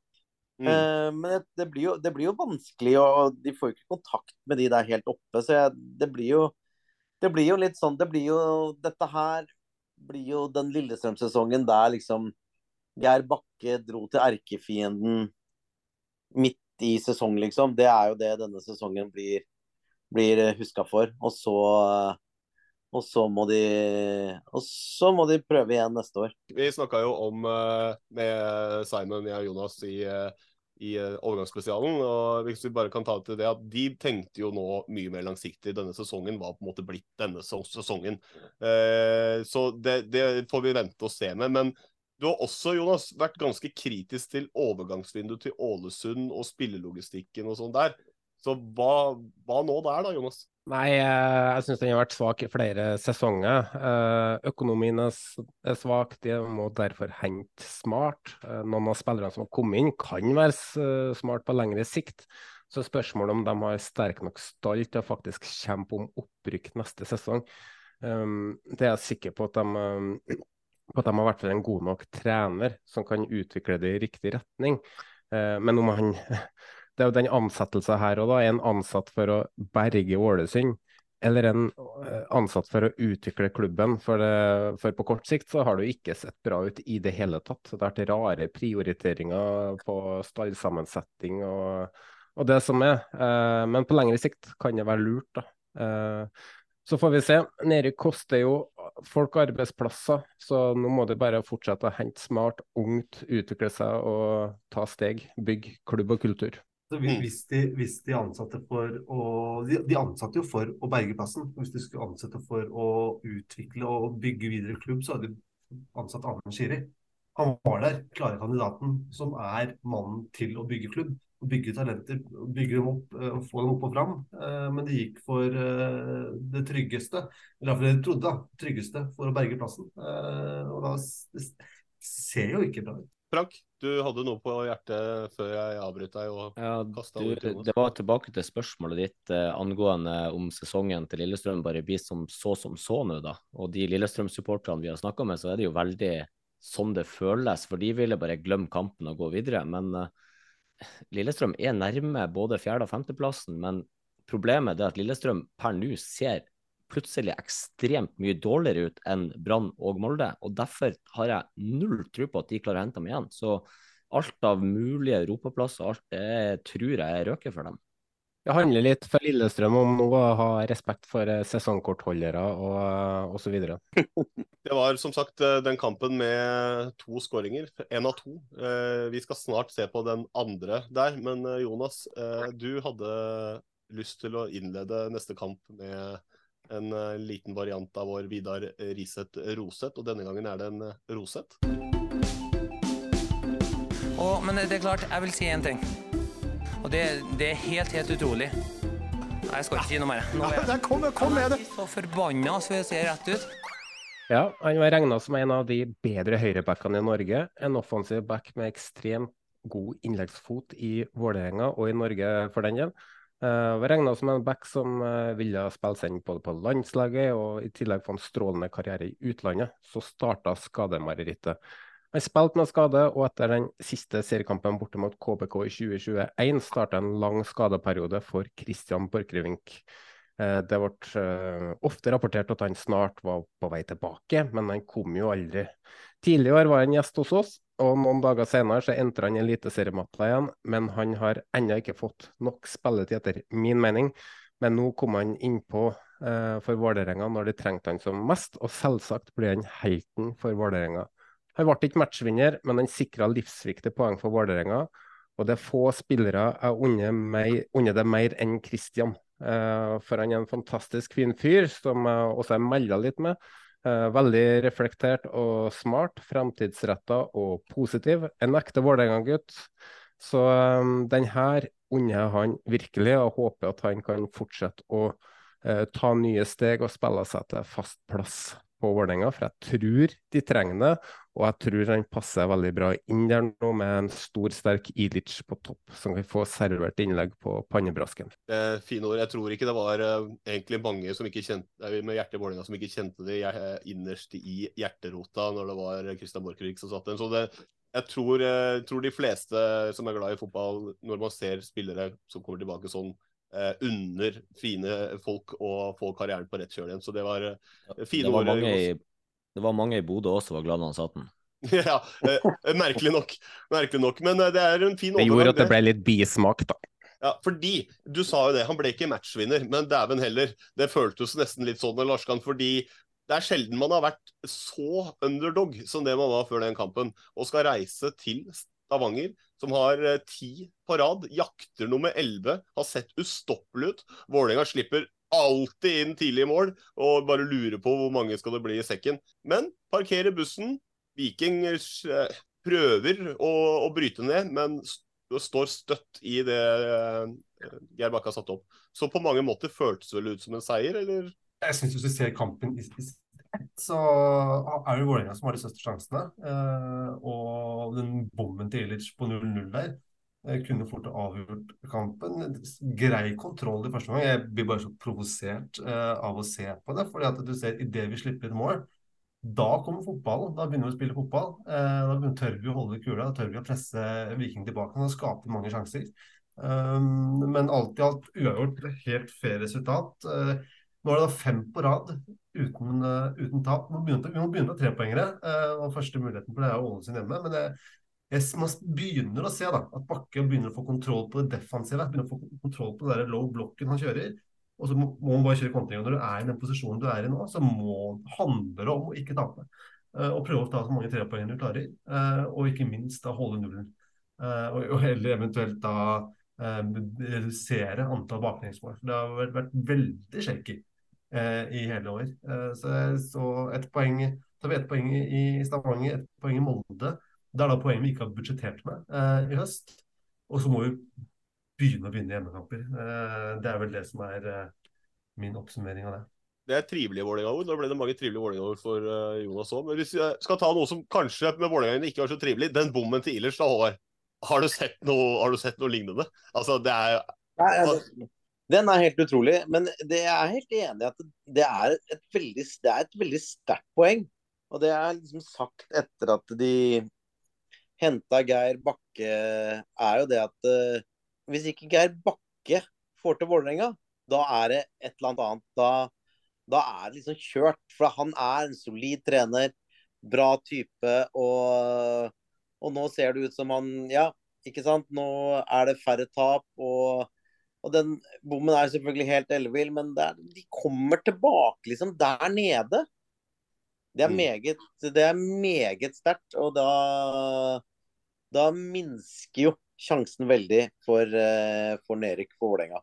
Men uh, Vålerenga er kanskje mest fornøyd etter det. Men uh, Viking, det var ikke helt sånn det skulle bli, da. Uh, Frank, du var kanskje glad på vegne av ditt Glimt, men hvis du skal se på det Viking faktisk presterer Det var ikke helt den Viking eh, det Viking vi har sett av de, mye av de siste ti eh, kampene før det. Eh, altså Viking er jo et lag som liker å få kampen inn i sitt spor, og vi har vært innom det tidligere, men en typisk Vikingkamp er jo bare fullstendig kaos. Det er jo strekk i begge, lagdel, begge lagene med store avstander mellom lagdelene. og Får Viking kampene inn i det sporet der, så vinner Viking. For det, Viking er best i Norge på å spille kaosfotball.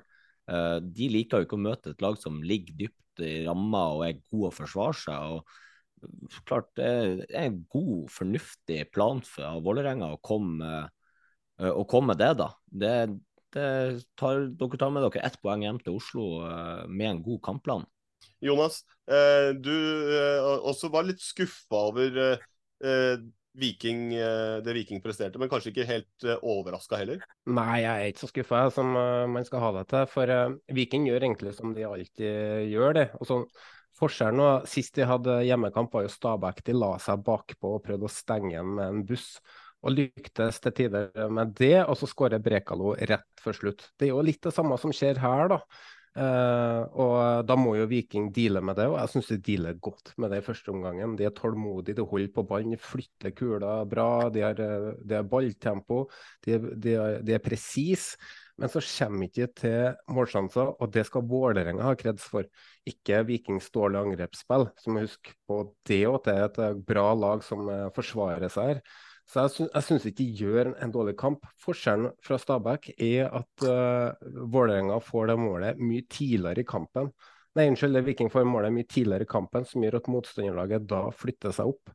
Uh, og da syns jeg egentlig uh, at Viking bytter seg litt ned. da, med De setter inn på Duelanlé for å trygge litt mer defensivt. og de klarer liksom ikke å hente seg inn igjen når Vålerenga får det målet. Så Det som var skuffende, var egentlig det som skjedde med, med Viking etter at det ble 1-1. Alt før det syns jeg egentlig er, er brukbart. det. Og så må vi huske at nå har de spilt ti kamper på rad med bare seier, og så får de én uavgjort. Fortsatt eh, så har de 31 poeng av 33 mulige. Ja, det skal gå an å være fornøyd med det. ja. Men eh, det var disse tomålskampene. Vi går rett over til noen kamper hvor det faktisk ble hele tre mål. Tenk på det. Og det er ja, Kanskje var det siste kampen til Jostein Grinaud som sjef for Haugesund. Kanskje var det ikke det, kanskje blir det noen til. Men Hans Haugesund går på et til slutt knepent 1-2-tap mot Molde. Der var vel ikke den kampen som var mest fyrverkeri rundt om, i hvert fall for oss som fulgte det med et uh, godt øye på fotballekstra. Men allikevel uh, ikke helt uten dramatikk, for det, det, ble ikke så komfortabelt for Molde på, som det kanskje så ut. For det ble, ble veldig tett. Men så kommer et nytt rødt kort til uh, Haugesund. Og Jonas, hvor mange er vi oppe i nå? Du, nå er vi oppe i sju røde kort på 21 kamper. De får rødt kort hver tredje kamp. Syv av 35 røde kort i år har gått til Haugesund, så 20% av alle røde kort de har rent til Haugesund. De har vel så, tre røde på fire kamper nå? Ja, stemmer. De har fått rødt kort i begge kamper mot Rosenborg f.eks. Og eh, det, begge to var jo for så vidt kampavgjørende. Så uten røde kort i år, så kunne Haugesund ha ligget mye bedre an på tabellen. Har du en oppskrift Håvard, for å unngå å få sånne røde kort? Hvis du skal komme med tips til Haugesund, koker det litt vel mye på Haugalandet? Kanskje det er for mørkt i garderoben der, Også, At uh, alle har vært lei grina, og så bare spiller på banen. Jeg vet ikke. Nei, det Altså, beste, beste middelet for å unngå rød kort er jo å være ganske god til å lese spillet. Fordi at hver gang du er skikkelig etterpå Jeg, jeg har ikke sett det Hvordan var det røde kortet til FK nå? Hva var det som skjedde? Det var krangling. Å oh, ja, det er der! Vi er der, ja! ja, ja. Så... Han var treig, den taklinga Nei, kranglinga. Mm. Men uh, jeg har heller ikke sett det, så jeg så flere på Twitter som mente at det var Nei, det, var jo, det var jo en Molde-spiller som takla en Haugesund-spiller. Og så er det jo en annen Haugesund-spiller som flyr i strupen på fyren som uh, takler. Og det blir jo gult kort til begge, og han Haugesund-spilleren har gult fra før, så det er jo andre gule og rødt. Ja, Kanskje ah, du er inne på det, da, Håvard, med at, det er, at han er så forbanna på Grindhaug at det bare Skulle få det ut, liksom. Bare miste Nei, det er jo klassisk hodemist, det, da.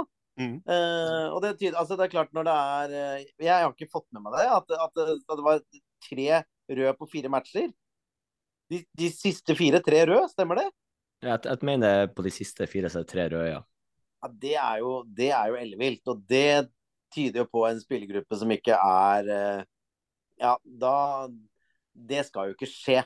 Ja, sånn, det, det, røde kortet de får mot Rosenborg, da, så er det liksom to tighte situasjoner som ender opp i to gule. Da. Så det er litt sånn ja. Det, det, røde, eh, mot, det røde, mot, Glimt er jo takling som bakerste mann, men mm. hvis det kun hadde blitt gult, så hadde han gult fra før av. Så det ville blitt to gule hvis han ikke hadde fått direkte rødt. ja, så det er jo Ja, men da, det, er, det er jo altså, Når det er så mye, da er det litt manglende disiplin, rett og slett. Mm. Uh, og det ja, Det er dårlig, jo... dårlig, lagstruktur som gjør at du ofte kommer seint inn i situasjoner at du må foreta deg sånne ting. da. Det, ja. Det er jo ikke tilfeldig. Ja, ja. De ligger jo nede der og er underdog i mange kamper. så... Og, så, og er ikke alle tre på hjemmebane òg, ut av de siste her? Ja, mulig. Men, uh, Vi kan snakke litt om Molde. da. Vi har jo snakka mye om Haugesund i dag nå. og Jeg må jo si at det er svært imponerende seier av Molde, spør du meg. da. De kommer jo fra et ganske tøft oppgjør eh, i Istanbul. De har hatt et tøft kampprogram. Eh, det har vært en heksegryte. Og så skal de med all respekt spille mot lille Haugesund på bortebane. og Det er jo en mental omstilling som må til der, og det klarer de. Kasper Øyvand debuterer, blir banens beste. Bjørnbakk så for en gangs skyld god ut bak der. Berisha skårer i åpent spill etter grusomt forsvarsspill fra Klaus Nygyri, eller hva han heter. Så um, det er veldig imponerende av, av Molde, selv om de kanskje ikke imponerte imponert spillmessig. Vi kan også skyte inn og skryte av de to kampene mot Galatasaray. Molde har vært veldig gode i de her europakampene, og jeg vil påstå at de faktisk har vært nærme å faktisk få den Champions League-plassen. Nå blir det jo Europaliga på dem i høst, og det er jo seks kamper til i beina på dem. Og da drar de med seg det som de har slitt med i hele år. Sett målsjansene, eh, eller omsett målsjansene til skåring, og unngå å slippe til skåringa imot, for de slipper ikke til så mye imot uh, heller. Men de er dårlige i begge 16-meterne. Molde gjorde i hvert fall eh, jobben. Uh, kan ikke avskrive de helt opp i medaljestriden riktig ennå, Frank. Men et annet lag som gjorde jobben, og som kanskje skal være fornøyd med det, Håvard, var jo ditt kjære godset. Du var inne på det. det blir 2-1 over ja, kall det litt kriserammede Stabæk i form av resultatet, i hvert fall. Uh, ja, det var ikke, den, var ikke, den, kampen du så for deg det skulle bli litt mer overkjøring, litt mer fest, men uh, det blir i hvert fall tre poeng, da. Det blir tre poeng, men det er jo sånn uh, Det er jo ofte da godset er dårlig, ikke sant? I de, de, matchene man tenker at denne her må vi ta. men altså, det er jo tre poeng, så det er jo på en måte Varen er jo Varen er jo levert, men den første omgangen var fryktelig. Ja, da var det lite det godselaget klarte å sette sammen, og vi ble spilt gjennom på midten, og det så virkelig ikke bra ut i det hele tatt. Og så er det jo er det jo litt bedre i andre, da. Det er jo det er, det er tross alt det er bra spill, da. Før, eh, før den straffa, når Ekeland skaffer den straffa, så er det da er det, det er bra, det er en bra kombinasjon ut på venstre der. Og så er andreomgangen Ja, litt bedre, men det er jo det er, liksom Det er ikke sånn at det er så mye som tyder på, i hvert fall ikke for meg fra tribuneplass, at uh, denne her, den Her kommer Golden-gutta, bare slapp av. Vi kommer til å male over den. Det var, det var, det, det var virkelig ikke sånn. Uh, og så er det nok en gang uh, så er det nok en gang Valsvik. Da var han nå. Fire midtstopper, fire, fire skåringer som er der. Og som er jo Apropos å være god i boksene. Det, for det er han. Han er god i begge boksene. Virkelig, altså. Så det var uh, For en leder han står fram som der, når han, uh, når han får i den siste. Så det var okay, Hvis vi tar tre stoppere i serien, vi tar Valsvik, Utvik og Gundersen, så tror jeg de har mer mål enn Ålesund til sammen. Ja, ikke sant. Ja. Det, det, det, forteller, jo, det forteller jo mye. den statsen har jeg ikke tenkt på. Men, men altså Men Vilja Myra da, Håvard. Eh, det er matchvinner for dere eh, noen ganger i år, eller? Jeg syns nesten han alltid er kjempegod, jeg. Ja. ja. men jeg tenker Han har vært solid lenge. Uh, og det er klart, Vilja Myra er ikke den keeperen i Norge eller noe annet sted som er liksom råest med beina, og som uh, på en eller annen måte leser spillet, og som uh, drar ut presise langpasninger. Men som Hvis vi snakker om litt sånn gammeldags keeper, da. Være god på det som en keeper alltid har skullet være god på. Der er han, syns jeg, så jevnt bra. Feltet absolutt ganske commanding, god, kommer ut. Eh, trygg, kan styre de foran seg. Og, og på strek så Ja, jeg syns han Det har vært masse bra keepere i Godset. Jeg syns han er en av de aller beste vi har hatt. Jeg, jeg syns han er kjempegod. Jeg er litt sånn, Nå har det nettopp kommet et eh, landslagsuttak. og Hvor nærme er egentlig han å ta en av de tre plassene foran f.eks. en Dyngeland? Han er, det er aldri snakk. Jeg tror han er langt unna landslagsplass. og Det handler litt om det Håvard sier. da, Åssen keepertype han eh, er. Han er en skuddstopper, veldig god på strek, har matchvinnerredninger. Men han har også litt feil, sånn som f.eks. hjemme mot Rosenborg, når han eh, trekker seg i duell med 16 år gamle Nypan. Og Da blir det skåring, så han, så han er jo ikke feilfri. Men de kampene han er god, da er han virkelig god, og det er han her. Så så jeg det var noen Stabæk-supportere som snakka om at typisk også uflaks. Men det er ikke uflaks bare fordi at motstanderlaget har en god keeper. Det er lov til å ha en god keeper. Jeg skulle si at det kan jeg definitivt gjøre. Jeg syns uh, uh, Godset det, det, er som det blir sagt her at de er uh, en rufsete kamp. Det jeg sitter og tenker på hver gang jeg ser uh, Stabæk, er han stakkars kommersielle lederen som sitter der på tribuna med Stabæk support. og og hver eneste runde, Nå er det ti runder på rad hvor da hårfestet har gått av én millimeter bak på hodet med Andreas Aalbø. Eh, og hver gang jeg snakker med ham, så ser han tyngre og tyngre ut når han sitter på T-banen fra Ensjø til Vekkestua. Jeg er spent på hvordan han har det i dag. Eh, Arskan, uh, nå var jo Aalbu med oss som gjest sammen med Krokstad. Det er lenge siden. Det var jo helt i starten, første uka i fellesferien. Første helga i fellesferien. Hvor mange seire har Stabæk siden du var med hos oss? Det, jeg tror det er null. Det, det, det, det er definitivt null. De har to uavgjort på eh, den perioden. Sist de vant, var jo mot Vålerenga. Eh, og alle slår Vålerenga. Så det, er ikke noe å, å juble, juble, for. Uh, men jeg ser jeg snakker med ham hver dag. Han ser tyngre og tyngre ut uh, for hver eneste dag som går. Det må være tøft å sitte der ute i de brakkene. D69M-jinxen går til helt nye nivåer, hvor vi jinxer hele klubber og terminlister. Uh, bare med å ha gjestene her. Så hvis dere har innspill kjære lytter, til hvem vi skal jinxe neste gang, send oss det, så skal vi gjøre så godt vi kan.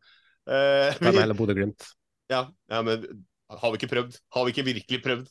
Men skal vi hoppe til uh, Ja, da kan vi jo egentlig bare Ashkan, Frank, Håvard og jeg bare ta en tur, ta oss ti minutter ordne oss noen snacks og hente oss noe drikke. For nå skal vi se på Tromsø-Rosenborg, så da veit vi alle hvem som kommer til å ha noe på hjertet her. Nei da, Jonas. Du var veldig tydelig på at Tromsø overkjørte Rosenborg så mye som du ikke hadde sett noe lag overkjøre et annet eliteserielag så langt denne sesongen. Det blir 3-1 ja, i Tromsø. På, på nivå, i hvert fall. På, på, nivå, i hvert fall. Jeg tror faktisk ikke det finnes et lag i Eliteserien som har det båndnivået som Rosenborg har hatt i år. Eh, Rosenborg hadde jo besøk av Brann i mai. Eh, det minte veldig mye om den kampen, altså, hvor de ble slakta. Men at ikke Tromsø vinner med minst fem mål her, det syns jeg er ganske spesielt. For de kjører over Rosenborg i 65-70 minutter, fullstendig overlegen. Uh, burde ha ledet 3-4-0 til pause, og det kan jeg egentlig bare takke uh, André Hansen for. Uh, så sitter jeg og irriterer meg litt i pausen at hvis ikke Sven Målen gjør noen endringer nå, så er jo det en oppsigelse, egentlig. Han gjør ingen endringer. Det tar 20 sekunder av andreomgangen. Så helt Tromsø på å sette inn 2-0. Og sånn holdt jo egentlig på, da. Så må jo nesten bare hylle Tromsø og det de får til. Romsås med en vanvittig brasseskåring, eh, som er en utrolig periode nå. Han skårer jo ikke stygge mål, den gutten der. Og så har man Kent Are Antonsen som herjer på midtbanen og får skåringa si. Eh, men den spilleren som virkelig fortjener å bli hylla etter denne kampen, her, det er Ruben Yttergård Jensen. Han er 35 år og eh, ble nærmest avskilta som fotballspiller etter tida i Brann. Men uh, han er trolig aldri vært bedre enn det han er akkurat nå. Og Han styrer jo kampen fra første sekund, dikterer det som er. Og når Rosenborg da prøver å ta ut han, ja, da kommer Oppsal eller Antonsen. Så nei, den kampen Tromsø leverer her, det er um, pur klasse, rett og slett. Håvard, kan Tromsø utfordre om gullet nå, eller? Ja, de er jo, de er jo tre poeng bak. Så, så ja, kan, det hele, altså, kan, det holde hele veien inn, tror du? Altså, ja, For det første så er det jo et bra fotballag, og de spiller jo bra fotball. De er gode. Eh, de, er jo, de, altså, de, er jo, de er jo årets sensasjon i Eliteserien. Og tenk deg den go-en de har nå, da. Tenk deg den følelsen de har. Mm. Hver gang de, og nå liksom tar to nye poeng på de to uh, På de begge foran. Så ja, hvorfor ikke? Hvorfor ikke? De har ikke noe annet å tenke på. Det er ikke noe, det er ikke noen andre matcher. Det, det, har vel for så vidt ikke Viking heller, da. Men det er klart at de kan uh, Ja, ja, ja. Hvorfor, hvorfor, skal de ikke det, når de er så gode? De kommer fra 0-4 mot uh, Sarpsborg og solgte Kasper Øyvand. Og nå tenker folk at OK, nå blir det tøft. Og så drar de fram den kampen her.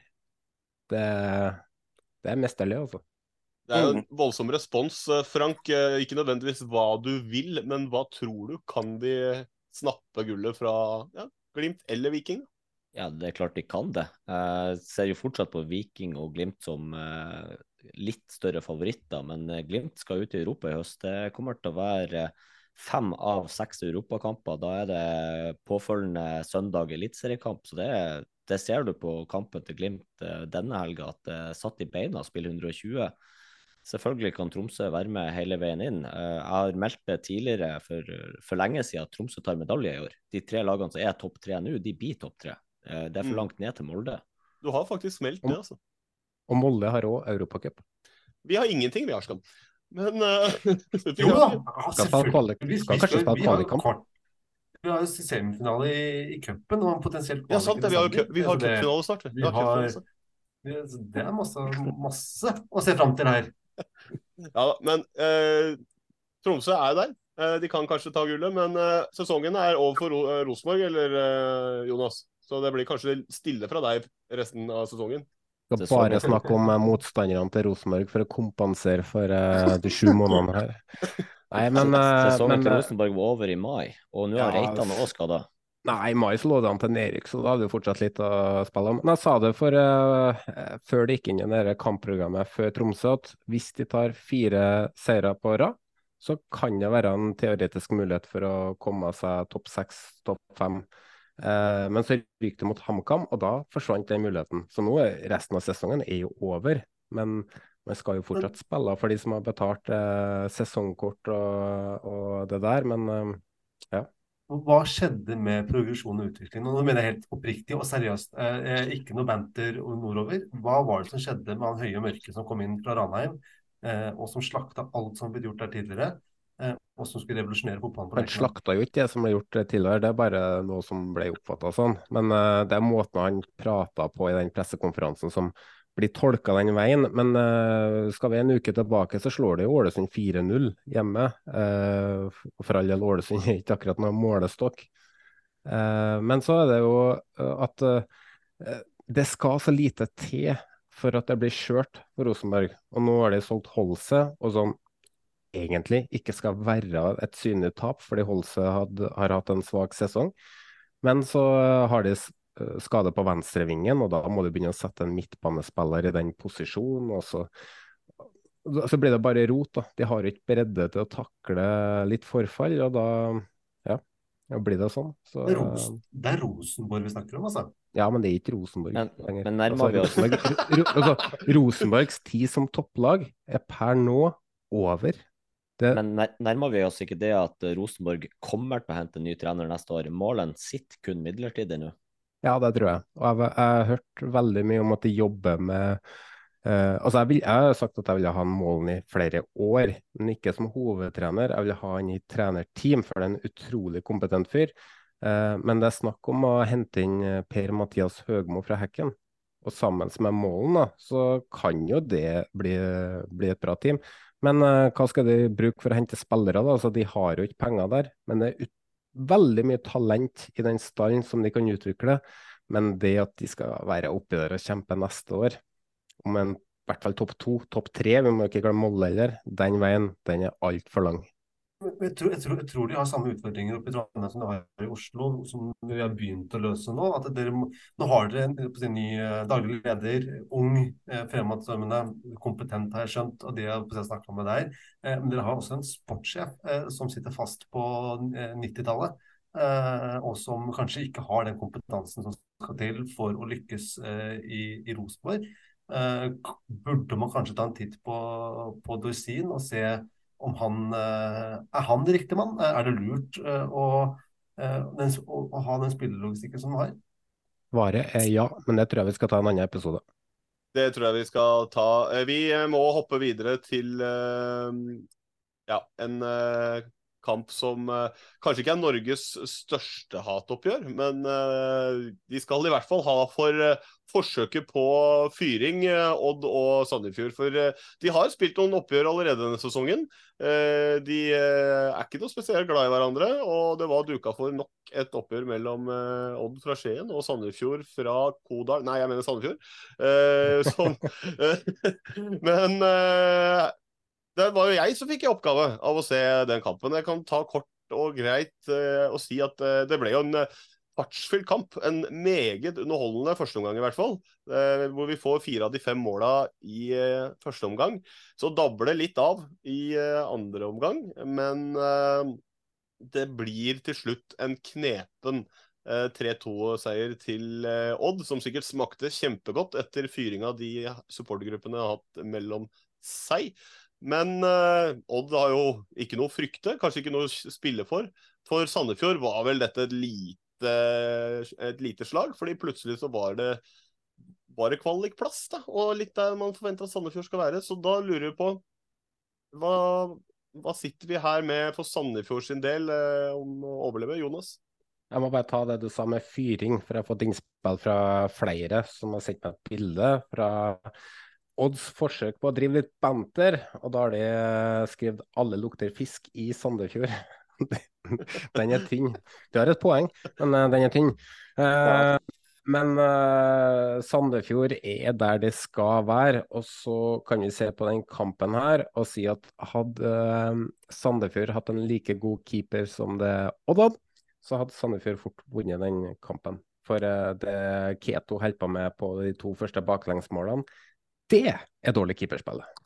Apropos keeper, vi må uh, få med, det har blitt nevnt allerede, men uh, Per Kristian Bråtveit som går av til pause for uh, samboeren skal føde. Så han rekker ikke andre omgang. Han, han stiller faktisk til start.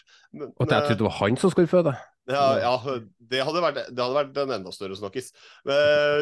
det må nevnes at uh, får håpe at Det ble jo seier til hans lag, og får håpe at det ble eh, seier, og at de går, står bra til med alle der. Men det er jo en, det er en vri, det òg, å gå av til pause fordi samboeren skal føde. Og ikke ta fri eh, hele dagen. Du forsvinner vel midt i neste episode, du? Jeg, jeg, jeg kommer inn i, i, midt i neste episode, for da har jeg slått det ferdig. da var det gjort. Men uh, det ble en del snakkelser. Vi må ta fram uh, og trekke fram uh, til velde her hos Odd. utrolig frisk, denne unggutten. Mål, assist. vi fikk tips om han før sesongen når vi så på de lagene at det var en one to watch. Og det er en artig spiller. Nå skal det sies at han fikk litt drahjelp av nevnte Keto på skåringa si, men mål er mål. Og artig å se at det bor mye fotball. Han var frisk også egentlig i i hele andre omgang også, selv om ofte viljen var større enn evne. Men uh, vi kommer ikke utenom det som vi har måttet si at det er rett og slett ukens i hvert fall, uh, sport, snakkes på banen. Holdninga til Al Saed. Håvard, den Ta oss gjennom hva en sånn holdning gjør når du ser det. Jeg blir så glad. altså, jeg blir så glad av det der. Den derre Du, nå er du forbi meg. Jeg har ikke kjangs, men jeg får ikke mer enn gult uansett. Eh, og den overgangen måtte jo stoppes. Og, ja, ja. og det, det, er jo altså Det er jo det er jo to stykker her. Det er jo holdninga, og så er det Hva heter han som kjører på der? Han eh, Odd-spilleren? Ja, Gjengård. Han som uh, løper og løper og løper, og det ser ut som han har trå ja, ja, ja. Jeg, så, jeg var så imponert over han, òg, som bare liksom uh, For det, det, er jo, det er jo to De fleste, når de blir holdt sånn, da bare, da bare, gir de seg. ikke sant? Hva faen driver du med? Mm. Og, så, og, så, tar de frispark og gult på den. Men han bare kjører! Han bare kjører. Jeg synes det er så, så nydelig situasjon. Og det er klart, når han først har begynt å holde Du kan ikke, når han fortsetter å kjøre, da, og du holder, da kan du ikke slippe den. For da har du både holdt og overgangen er ikke drept. Så du er jo ja. nødt til å bare ligge på der. Mine, mine tanker er jo at Dæven, hvor svak Alsa er det i overkroppen. Ikke klarer å holde igjen en Hvor gammel er han? 18-19 år, og ikke klarer å holde han igjen. Eh, og springer jo med fortsatt høyere toppfart, toppfart enn Arskan noen gang har hatt, liksom. Det er jo Men hvis du ser på selve situasjonen når han løper der, så får jeg sånn assosiasjon til noen som har skada seg og driver med sånn rehabilitering i basseng, og som løper i bassenget for at det liksom er mindre belastende, og bare jobber seg gjennom denne seige veska, liksom. Det er det jeg sier. Men eh, Altså, Du sier at du blir glad. Jonas, du sa egentlig akkurat det samme. Eh, men jeg så noen også som skrev at en annen del av meg på Twitter skrev da eh, at eh, en annen del av meg skulle ønske at dette her er rødt kort, for det er jo rein sabotasje, og har jo egentlig ikke noe med fotball å gjøre. Er, er, det bedre egentlig. å sparke han, ja, da? Jeg skulle til å, si det er mye bedre at han tar tak i drakta og så bare tar det det gule kortet, eh, istedenfor at alternativet er jo at bare gjør en kakk på beinet, og plutselig, plutselig spiller han skada. Det, det er um, kynisk, absolutt. Uh, usportslig. Yes. Eh, men det er eh, han, han, gjør det han skal gjøre. Stopper kontringa, tar seg et kort eh, uten å skade motspiller. Jeg så, jeg så, et forslag på det var det at du skulle få gult kort for Solte i tre sekunder, og så skulle du få et til gult kort for Solte i tre sekunder til. Nei, nei. nei, nei, nei. Som om ikke det dommerne der har utfordringer nok til at de skal til og med begynne å telle sekundene. Altså, jeg er overraska over at dommeren så den holdninga der i hele tatt. Jo... Ja, men tenk deg VAR-bussen skal sitte med stoppeklokka for å se om det ble akkurat seks sekunder, eller om det var 5,9 sekunder, da, og så spoler klippet tilbake. Fra tilbake. Ja, ikke sant. Nei, men altså, men Vi vil jo ikke ha en fotball uh, med, uten usportslighet. Vi, vi, trenger jo usportslighet i fotball. Ja, fordi uten usportslighet så vet vi jo ikke hva som er sportslig. på en måte. Nei, nei, nei, altså, altså, alt dette her, den, det mørke og det lyse og alt det altså, Uten det, hva, hva, hvorfor skal vi se på da, liksom? Det, det finnes et skille her, da. Det er noen som mener at det her er like ille som filming av den slags, men det er et skille her. Litt trøyeholdning, trøyeholding, litt sånn kynisk. Altså, å være god forsvarsspiller er òg å være god til å kamuflere holdninger og sånne ting. ikke sant? Eh, og det kan ikke sammenlignes med å, med å, filme eller å spytte eller å gjøre den slags, altså. Så det her, det er alt. Jeg bare, jeg bare håper at han Gjengård gikk inn i garderoben til Sandefjord etter kampen og bare sa bytta trøye med han eh, Alsed. ja, for det var jo åpenbart det Alsed prøvde på. Han prøvde å bytte trøye det kampanjen til Odd uh, i dag òg. Kjørte 10 rabatt på, på, drakten, og så var det rabattkode Al-Saed. helt nydelig. Det er helt nydelig. Ja. Ja, jeg er i hvert fall overbevist. Det er sikkert noen der ute som er uenige, men jeg lar meg overbevise om at dette tilfører mer glede og, uh, og, og engasjement enn ikke. Så vi, dette får vi nesten bare leve med. Men det, altså, det, det, er egentlig det jeg hadde lyst til å si om den kampen. Så uh, da er det én kamp som gjenstår. Uh, og Frank, der var du. Men før du får komme til ordet, så må vi bare ta det fra toppen. Kamma tar imot Glimt på Briskeby. Det er jo litt David mot Goliat sånn på papiret, men HamKam har jo ikke vært til å kimse av egentlig i det siste. Og de sjokkåpner, og sjokkerer kanskje i hvert fall dere, den gule tilreisende gjengen eh, ganske kraftig. Eh, før vi ender opp med å få en helt ellevill eh, andreomgang med både snuoperasjon og tilbakehenting av det igjen, osv. osv. Det blir 4-4, poengdeling, dødt løp i tittelkampen, og ja, Kamma er kanskje mer fornøyd enn det du er i dag? Selvfølgelig er de det. Jeg er sliten etter ei lang helg med mye moro, og så skulle jeg avslutte helga med å stikke til Hamar. og ble en seig busstur hjem, men herregud, for en kamp, da. Ja, underholdningsverdien for de som ser på den som nøytral, må jo være enorm. Ja, absolutt. In ingen så den her som nøytral, vi var alle sammen HamKam-supportere. Nei, ikke jeg. Jeg er så kynisk at jeg holder med det som er best for Vålerenga. Og det beste for Vålerenga er hvis Glimt hadde vunnet. Det hadde vært. Men jeg må også si ah, i den kampen at den, den ene skåringa til Pellegrino der, fra skrått hold, jeg synes det, det er så ellevilt høyt nivå. Men det er det ikke på keeperspillet? Mener du det? Ja, altså han står jo, altså Tenker du på det fra død vinkel der? altså Han er jo så feilplassert, så man skulle jo aldri tro at han hadde sett en Pellegrino med en ball før. Det er jo det der Pellegrino gjør. Men hvis, hvis jeg sier eh, Pellegrino mot eh, Stabæk, mål nummer én i år. Pellegrino mot Odd, mål nummer to i år. Og Pellegrino nå mot HamKam, mål nummer tre i år. Er det noen andre som utfordrer han på topp tre-lista over beste Brassesparket til Strand mot Sandefjord. Ja, OK. Kanskje det var bedre enn dette. Jeg, jeg men brassespraket til Strand betydde jo ingenting, og det er det som er så. Nei, men, men, men altså, det, det, det må medregnes at det, det, er fryktelig dårlig keeperspill. Han har posisjonert seg helt feil, og det blir utagbart. Du ser jo ikke sånne mål går inn i internasjonal fotball fordi keeper står riktig plassert. Så der, eh, der bommer han. Men du mener at, at, Pellegrino ser det da, og gjør det bevisst? Han ja. ser han står feil, og så setter han? Prestasjonen er jo fantastisk bra. Ja. Men hvis jeg får lov til å si gå tilbake til uh, Glimt uh, sitt forsvarsspill her, da. Uh, for HamKam skåra fire mål, og som Glimt-supporter så er det, det, det gjør vondt å slippe inn fire mål mot HamKam-laget. Men det er jo stopperspill til stryk eh, på mange av målene. Eh, jo... til Arskas store fortvilelse her. ja, altså Lode som topp fem stopper i serien. Jeg skjønner ikke hva Arskan tenkte, men han meldte det der. jo, men han hadde en dårlig dag i går, da. Han, han hadde ikke en god dag i går. Nei, det, det, kan vi være enig i. Men fakta er at uh, HamKam skårer fire mål med en XG på uh, 0,87. De har hatt tre skudd på mål og skårer fire. Det er uh, fasit. Så ja. Det, det, og det sier mye om midtstopperspillet og keeperspillet, for det det jeg river meg virkelig i håret av etter i går. Og så uh, mener jeg det at uh, vi har en trener som uh, kanskje har litt for mye fokus på dommerne etter det her. Ja, Apropos det, Jonas. Uh, skal man før meg, jeg kan ta den siden du nevnte haiken. da. han har jo tid, ikke gjort så mye feil, var det noen som skrev tidligere på Twitter. Det er fordi han har vært arbeidsledig Eh, fra starten på sesongen. Men den perioden han er i nå, den er jo ikke helt heldig. Mot Sepsi, det første målet han slipper inn der, det er fryktelig keeperspill. Og så holder han på å slippe inn skudd fra midtbanen etterpå. Og så Haikin siste måned er bunn tre keepere i Eliteserien. Mm. Arskan, du hadde en betraktning? fra kampen? Ja, om noe helt annet enn Glimt. Eh, det, jeg, jeg, ble skikkelig glad for å se Brynjar ha en god kamp. Og jeg unner virkelig etter det tunge året han hadde i Vålerenga i fjor, og til dels ganske tungt år i HamKam i år òg. Eh, man får den goalen og den redninga på strek der.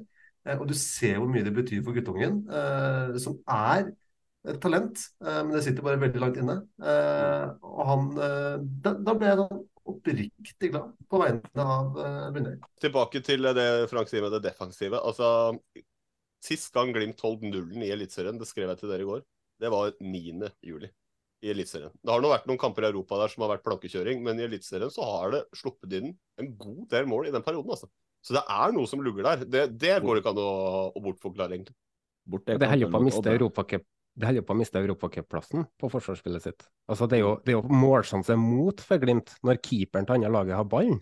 og de bare kan skyte den hele veien gjennom. Altså, de er jo eh, ordentlig ute og sykler om dem. Uh, men, uh, men, det er jo, skal sies at da, når, å hente opp, hente opp 0-2 til 4-2, det er sterkt.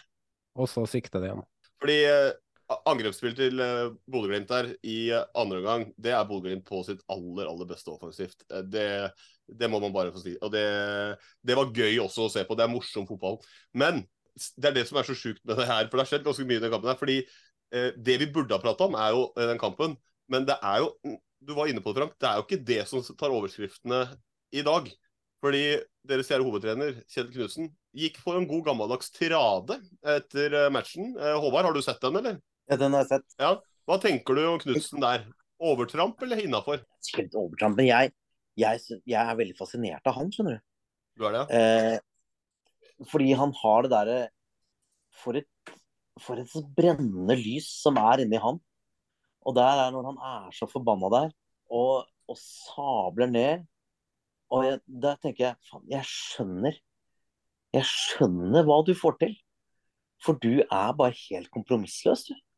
Og sånn tror jeg han er ganske mye. Altså. Han bare kjører, og det er prosess, prosess. Det skal spille sånn. Det er kraftkrevende. Hvis du ikke kan det, sorry, dette er ikke stedet for deg.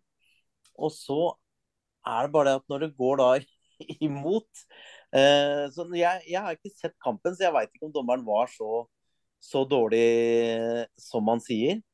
Men jeg bare Han, han fyren der, han er helt spesiell. Han er sånn der My Way or the Highway-fyr som bare det, det, er Jeg tenker han aldri gir seg. Og, det, og jeg, jeg liker jeg, Igjen, da. Herregud, å se en trener som vil det så mye. Og som er liksom akkurat vært ute og akkurat feila i Europa, liksom. Og så kommer han hjem, og så er det HamKam, så går det helvete. Og så er han så forbanna. Jeg tenker dette her er det vi trenger. Dette er jo sånn du får til ting. Fordi han er Han er så enspor at dette er alt. Nei, jeg syns eh, jeg, jeg, blir glad av det der, jeg. Altså, han får gjerne ta karantene, men herregud, liksom. Han er, han er helt spesiell. Det der, det der, kommer jo til å bli karantene. Sånn sånn er, jo bare norsk fotball skrudd sammen. Det er jo litt synd da at når noen tør å si ifra om noe alle vi supportere sitter og melder hver eneste uke, at dommernivået dessverre ikke er godt nok, så, altså, så, så, med en gang det er Kjetil Knutsen som melder det, så begynner jo hylekoret fra alle andre klubber. Å, Kjetil Knutsen er så dårlig taper. Men han sier jo det som absolutt alle andre også sier hver uke på Twitter. Hvem er det som vil ha en trener som er god taper, da? Hvem vil ha det? Oi, jeg har så lyst på en trener som skal være så god taper. Det er det siste du vil ha. Du vil jo ha han gærningen som bare kjører og kjører, og som er forbanna.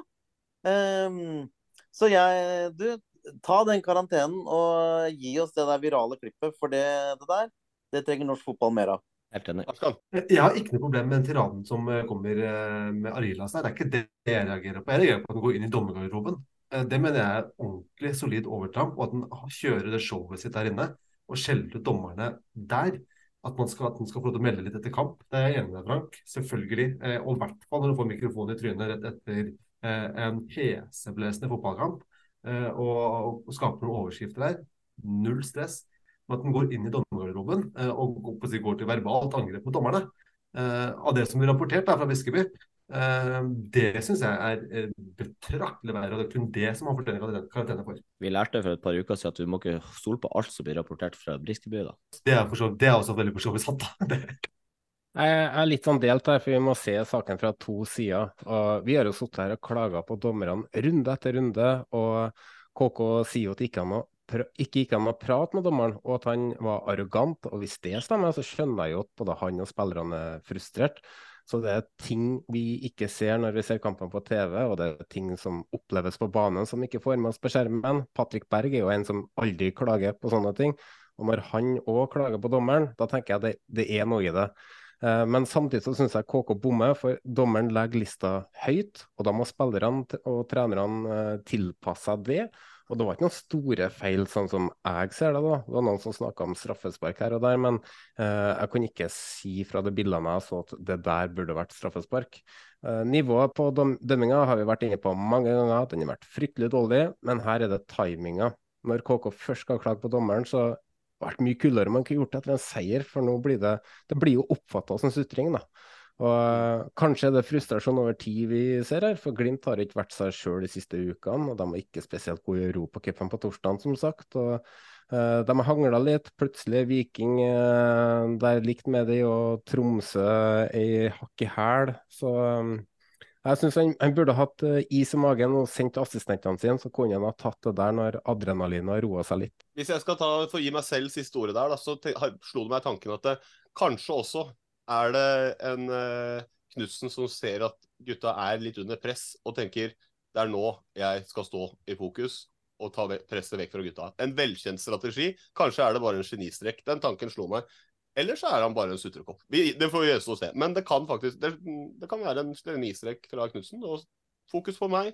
Gutta får lov til å gå på treningsfeltet og jobbe med å bli bedre til neste gang. Det var uh, siste kamp. Siste uh, diskusjon av Det var mye den runden. Uh, Håvard, jeg håper ikke du ble svett i øra av oss. Men uh, vi er straks ferdig. Vi skal bare ta kjapt rundens pluss og minus. og Da kan vi begynne med deg, hvis du har en uh, pluss. da. Altså, for Jeg må jo gå lokalt, liksom. For det er jo det Jeg merker på dere, dere har jo oversikt over alt som rører seg i norsk fotball. Det, det har jeg dessverre ikke. Det makter jeg ikke.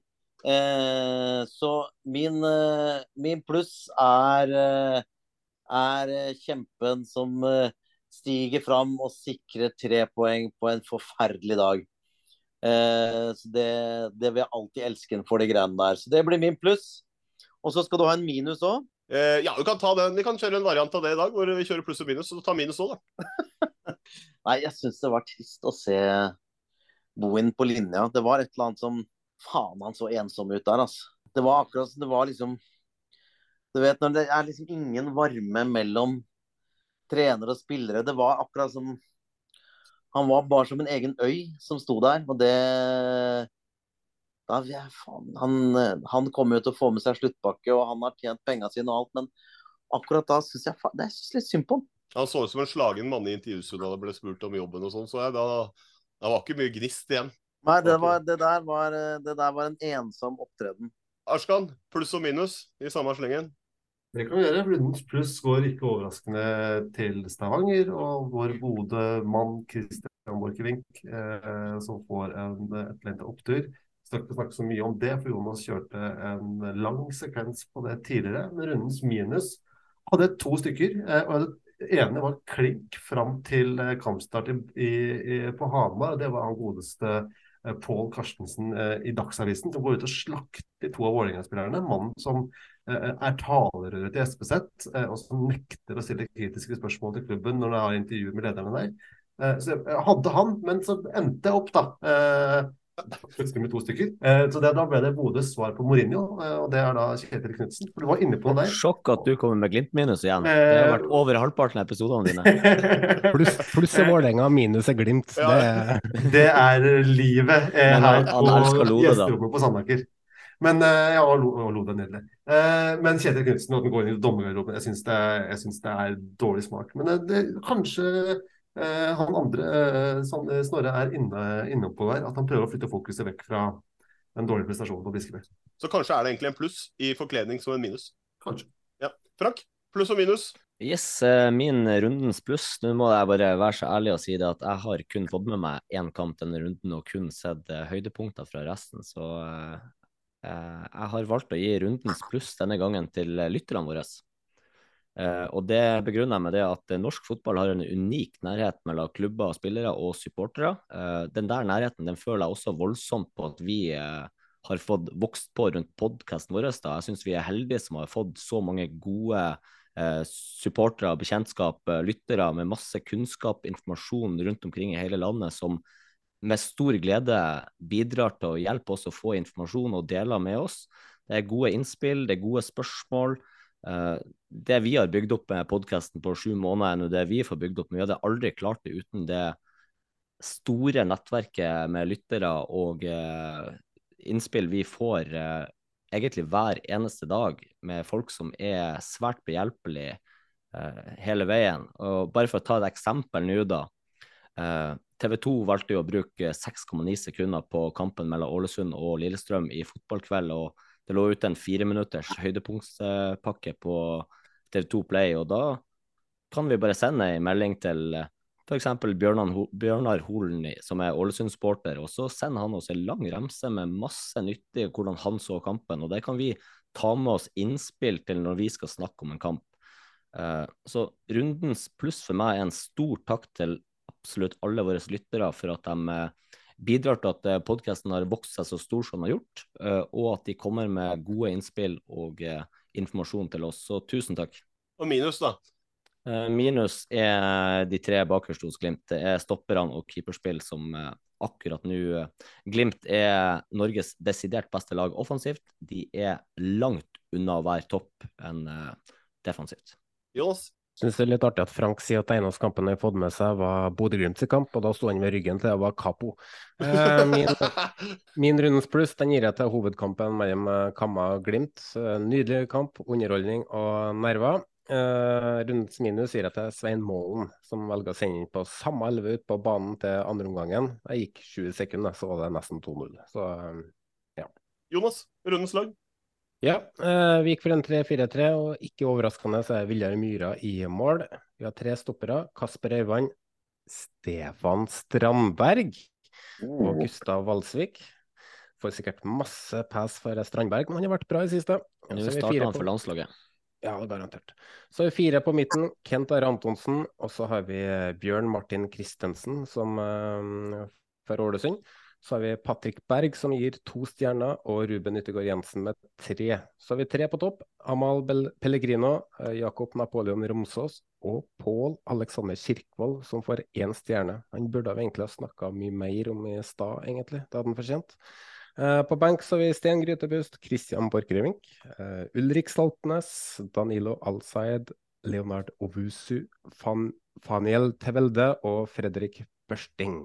Det var laget, og det var også veis ende. En rimelig tight kjøreplan, eller hva, Jonas? Ja, det var fine 90 minutter her, ja. Ja, men det er 90 minutter går fort, si.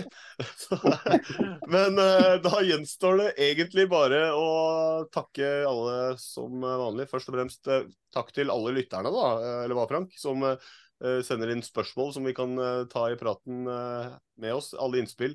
Jan Erik Balto som bidrar med alt det grafiske, som Jonas omtaler som, har jo nærmest blitt en del av denne podkasten. Jesper Horten Kjærnes og Vestfold Lydstudio for intromusikk og jingler. Jesper finner man for øvrig på Spotify, så det går an å sjekke ut det han driver med der. Iver Steinsvik og Intuitive Bodø for utstyr, og sist, men ikke minst av de som bør takkes denne runden, deg, Håvard Lilleheie, for at du tok deg tid i disse knappe 90 minuttene, om vi kan si det sånn. på å prate med oss. Dette har vært en glede. Imponerende høyt nivå dere holder, det må jeg si. Her, nå blir jeg fast lytter. for det det er sånn bredde og innsikt. Nei, dette her var eh, Ja, det var meget bra. Tusen hjertelig takk for det, og takk for at du tok deg tida, som sagt. Det var utrolig trivelig å ha deg med, og ønsker deg og, eh, som godssupporter og godset lykke til videre resten av sesongen. Jonas, takk til deg. Vær så god. Frank, takk til deg. Takk til deg, Snorre. Arskan, all right. Vi snakkes.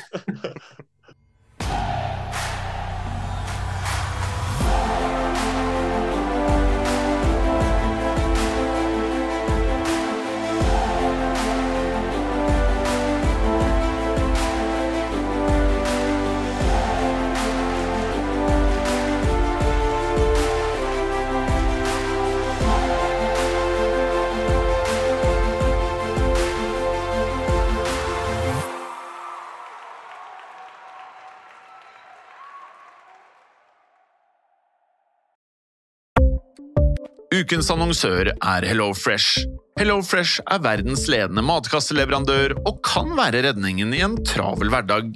Mange av oss har nok vandret i butikken både sultne og uten en plan for middagen, som ender med at vi går for de samme kjedelige rettene gang på gang. Middag burde være dagens høydepunkt. Som HelloFresh kan du nå velge mellom 25 ulike retter hver eneste uke, eller få HelloFresh til å sette sammen menyen for deg. Dette gir deg muligheten til å prøve nye og spennende retter alene eller sammen med familien. Du velger antall porsjoner og får alt levert på døren på et tidspunkt som passer for deg. Oppskriftene er enkle, og maten er lett å lage både for store og for små. Ved å få alt levert hjem får du også mer tid til å dele matgleden med familie og venner. Kanskje det frister med asiatiske tacos eller greskinspirert kylling? Da kan jeg anbefale deg om å gå inn på hellofresh.no. Her kan du bruke koden FOTBALL og få opptil 1779 kroner i rabatt på de første fem matkastene hvis du ikke har prøvd Hello Fresh tidligere. Du kan også bruke rabatten hvis du har vært kunde og stoppet abonnementet ditt for tolv måneder siden eller lengre. Gå inn på hellofresh.no og bruk koden FOTBALL. Ukens annonsør er Folio, en smartere banktjeneste for deg som har en egen bedrift eller ønsker å starte for deg selv. Folio er en superenkel nettbank for bedrifter.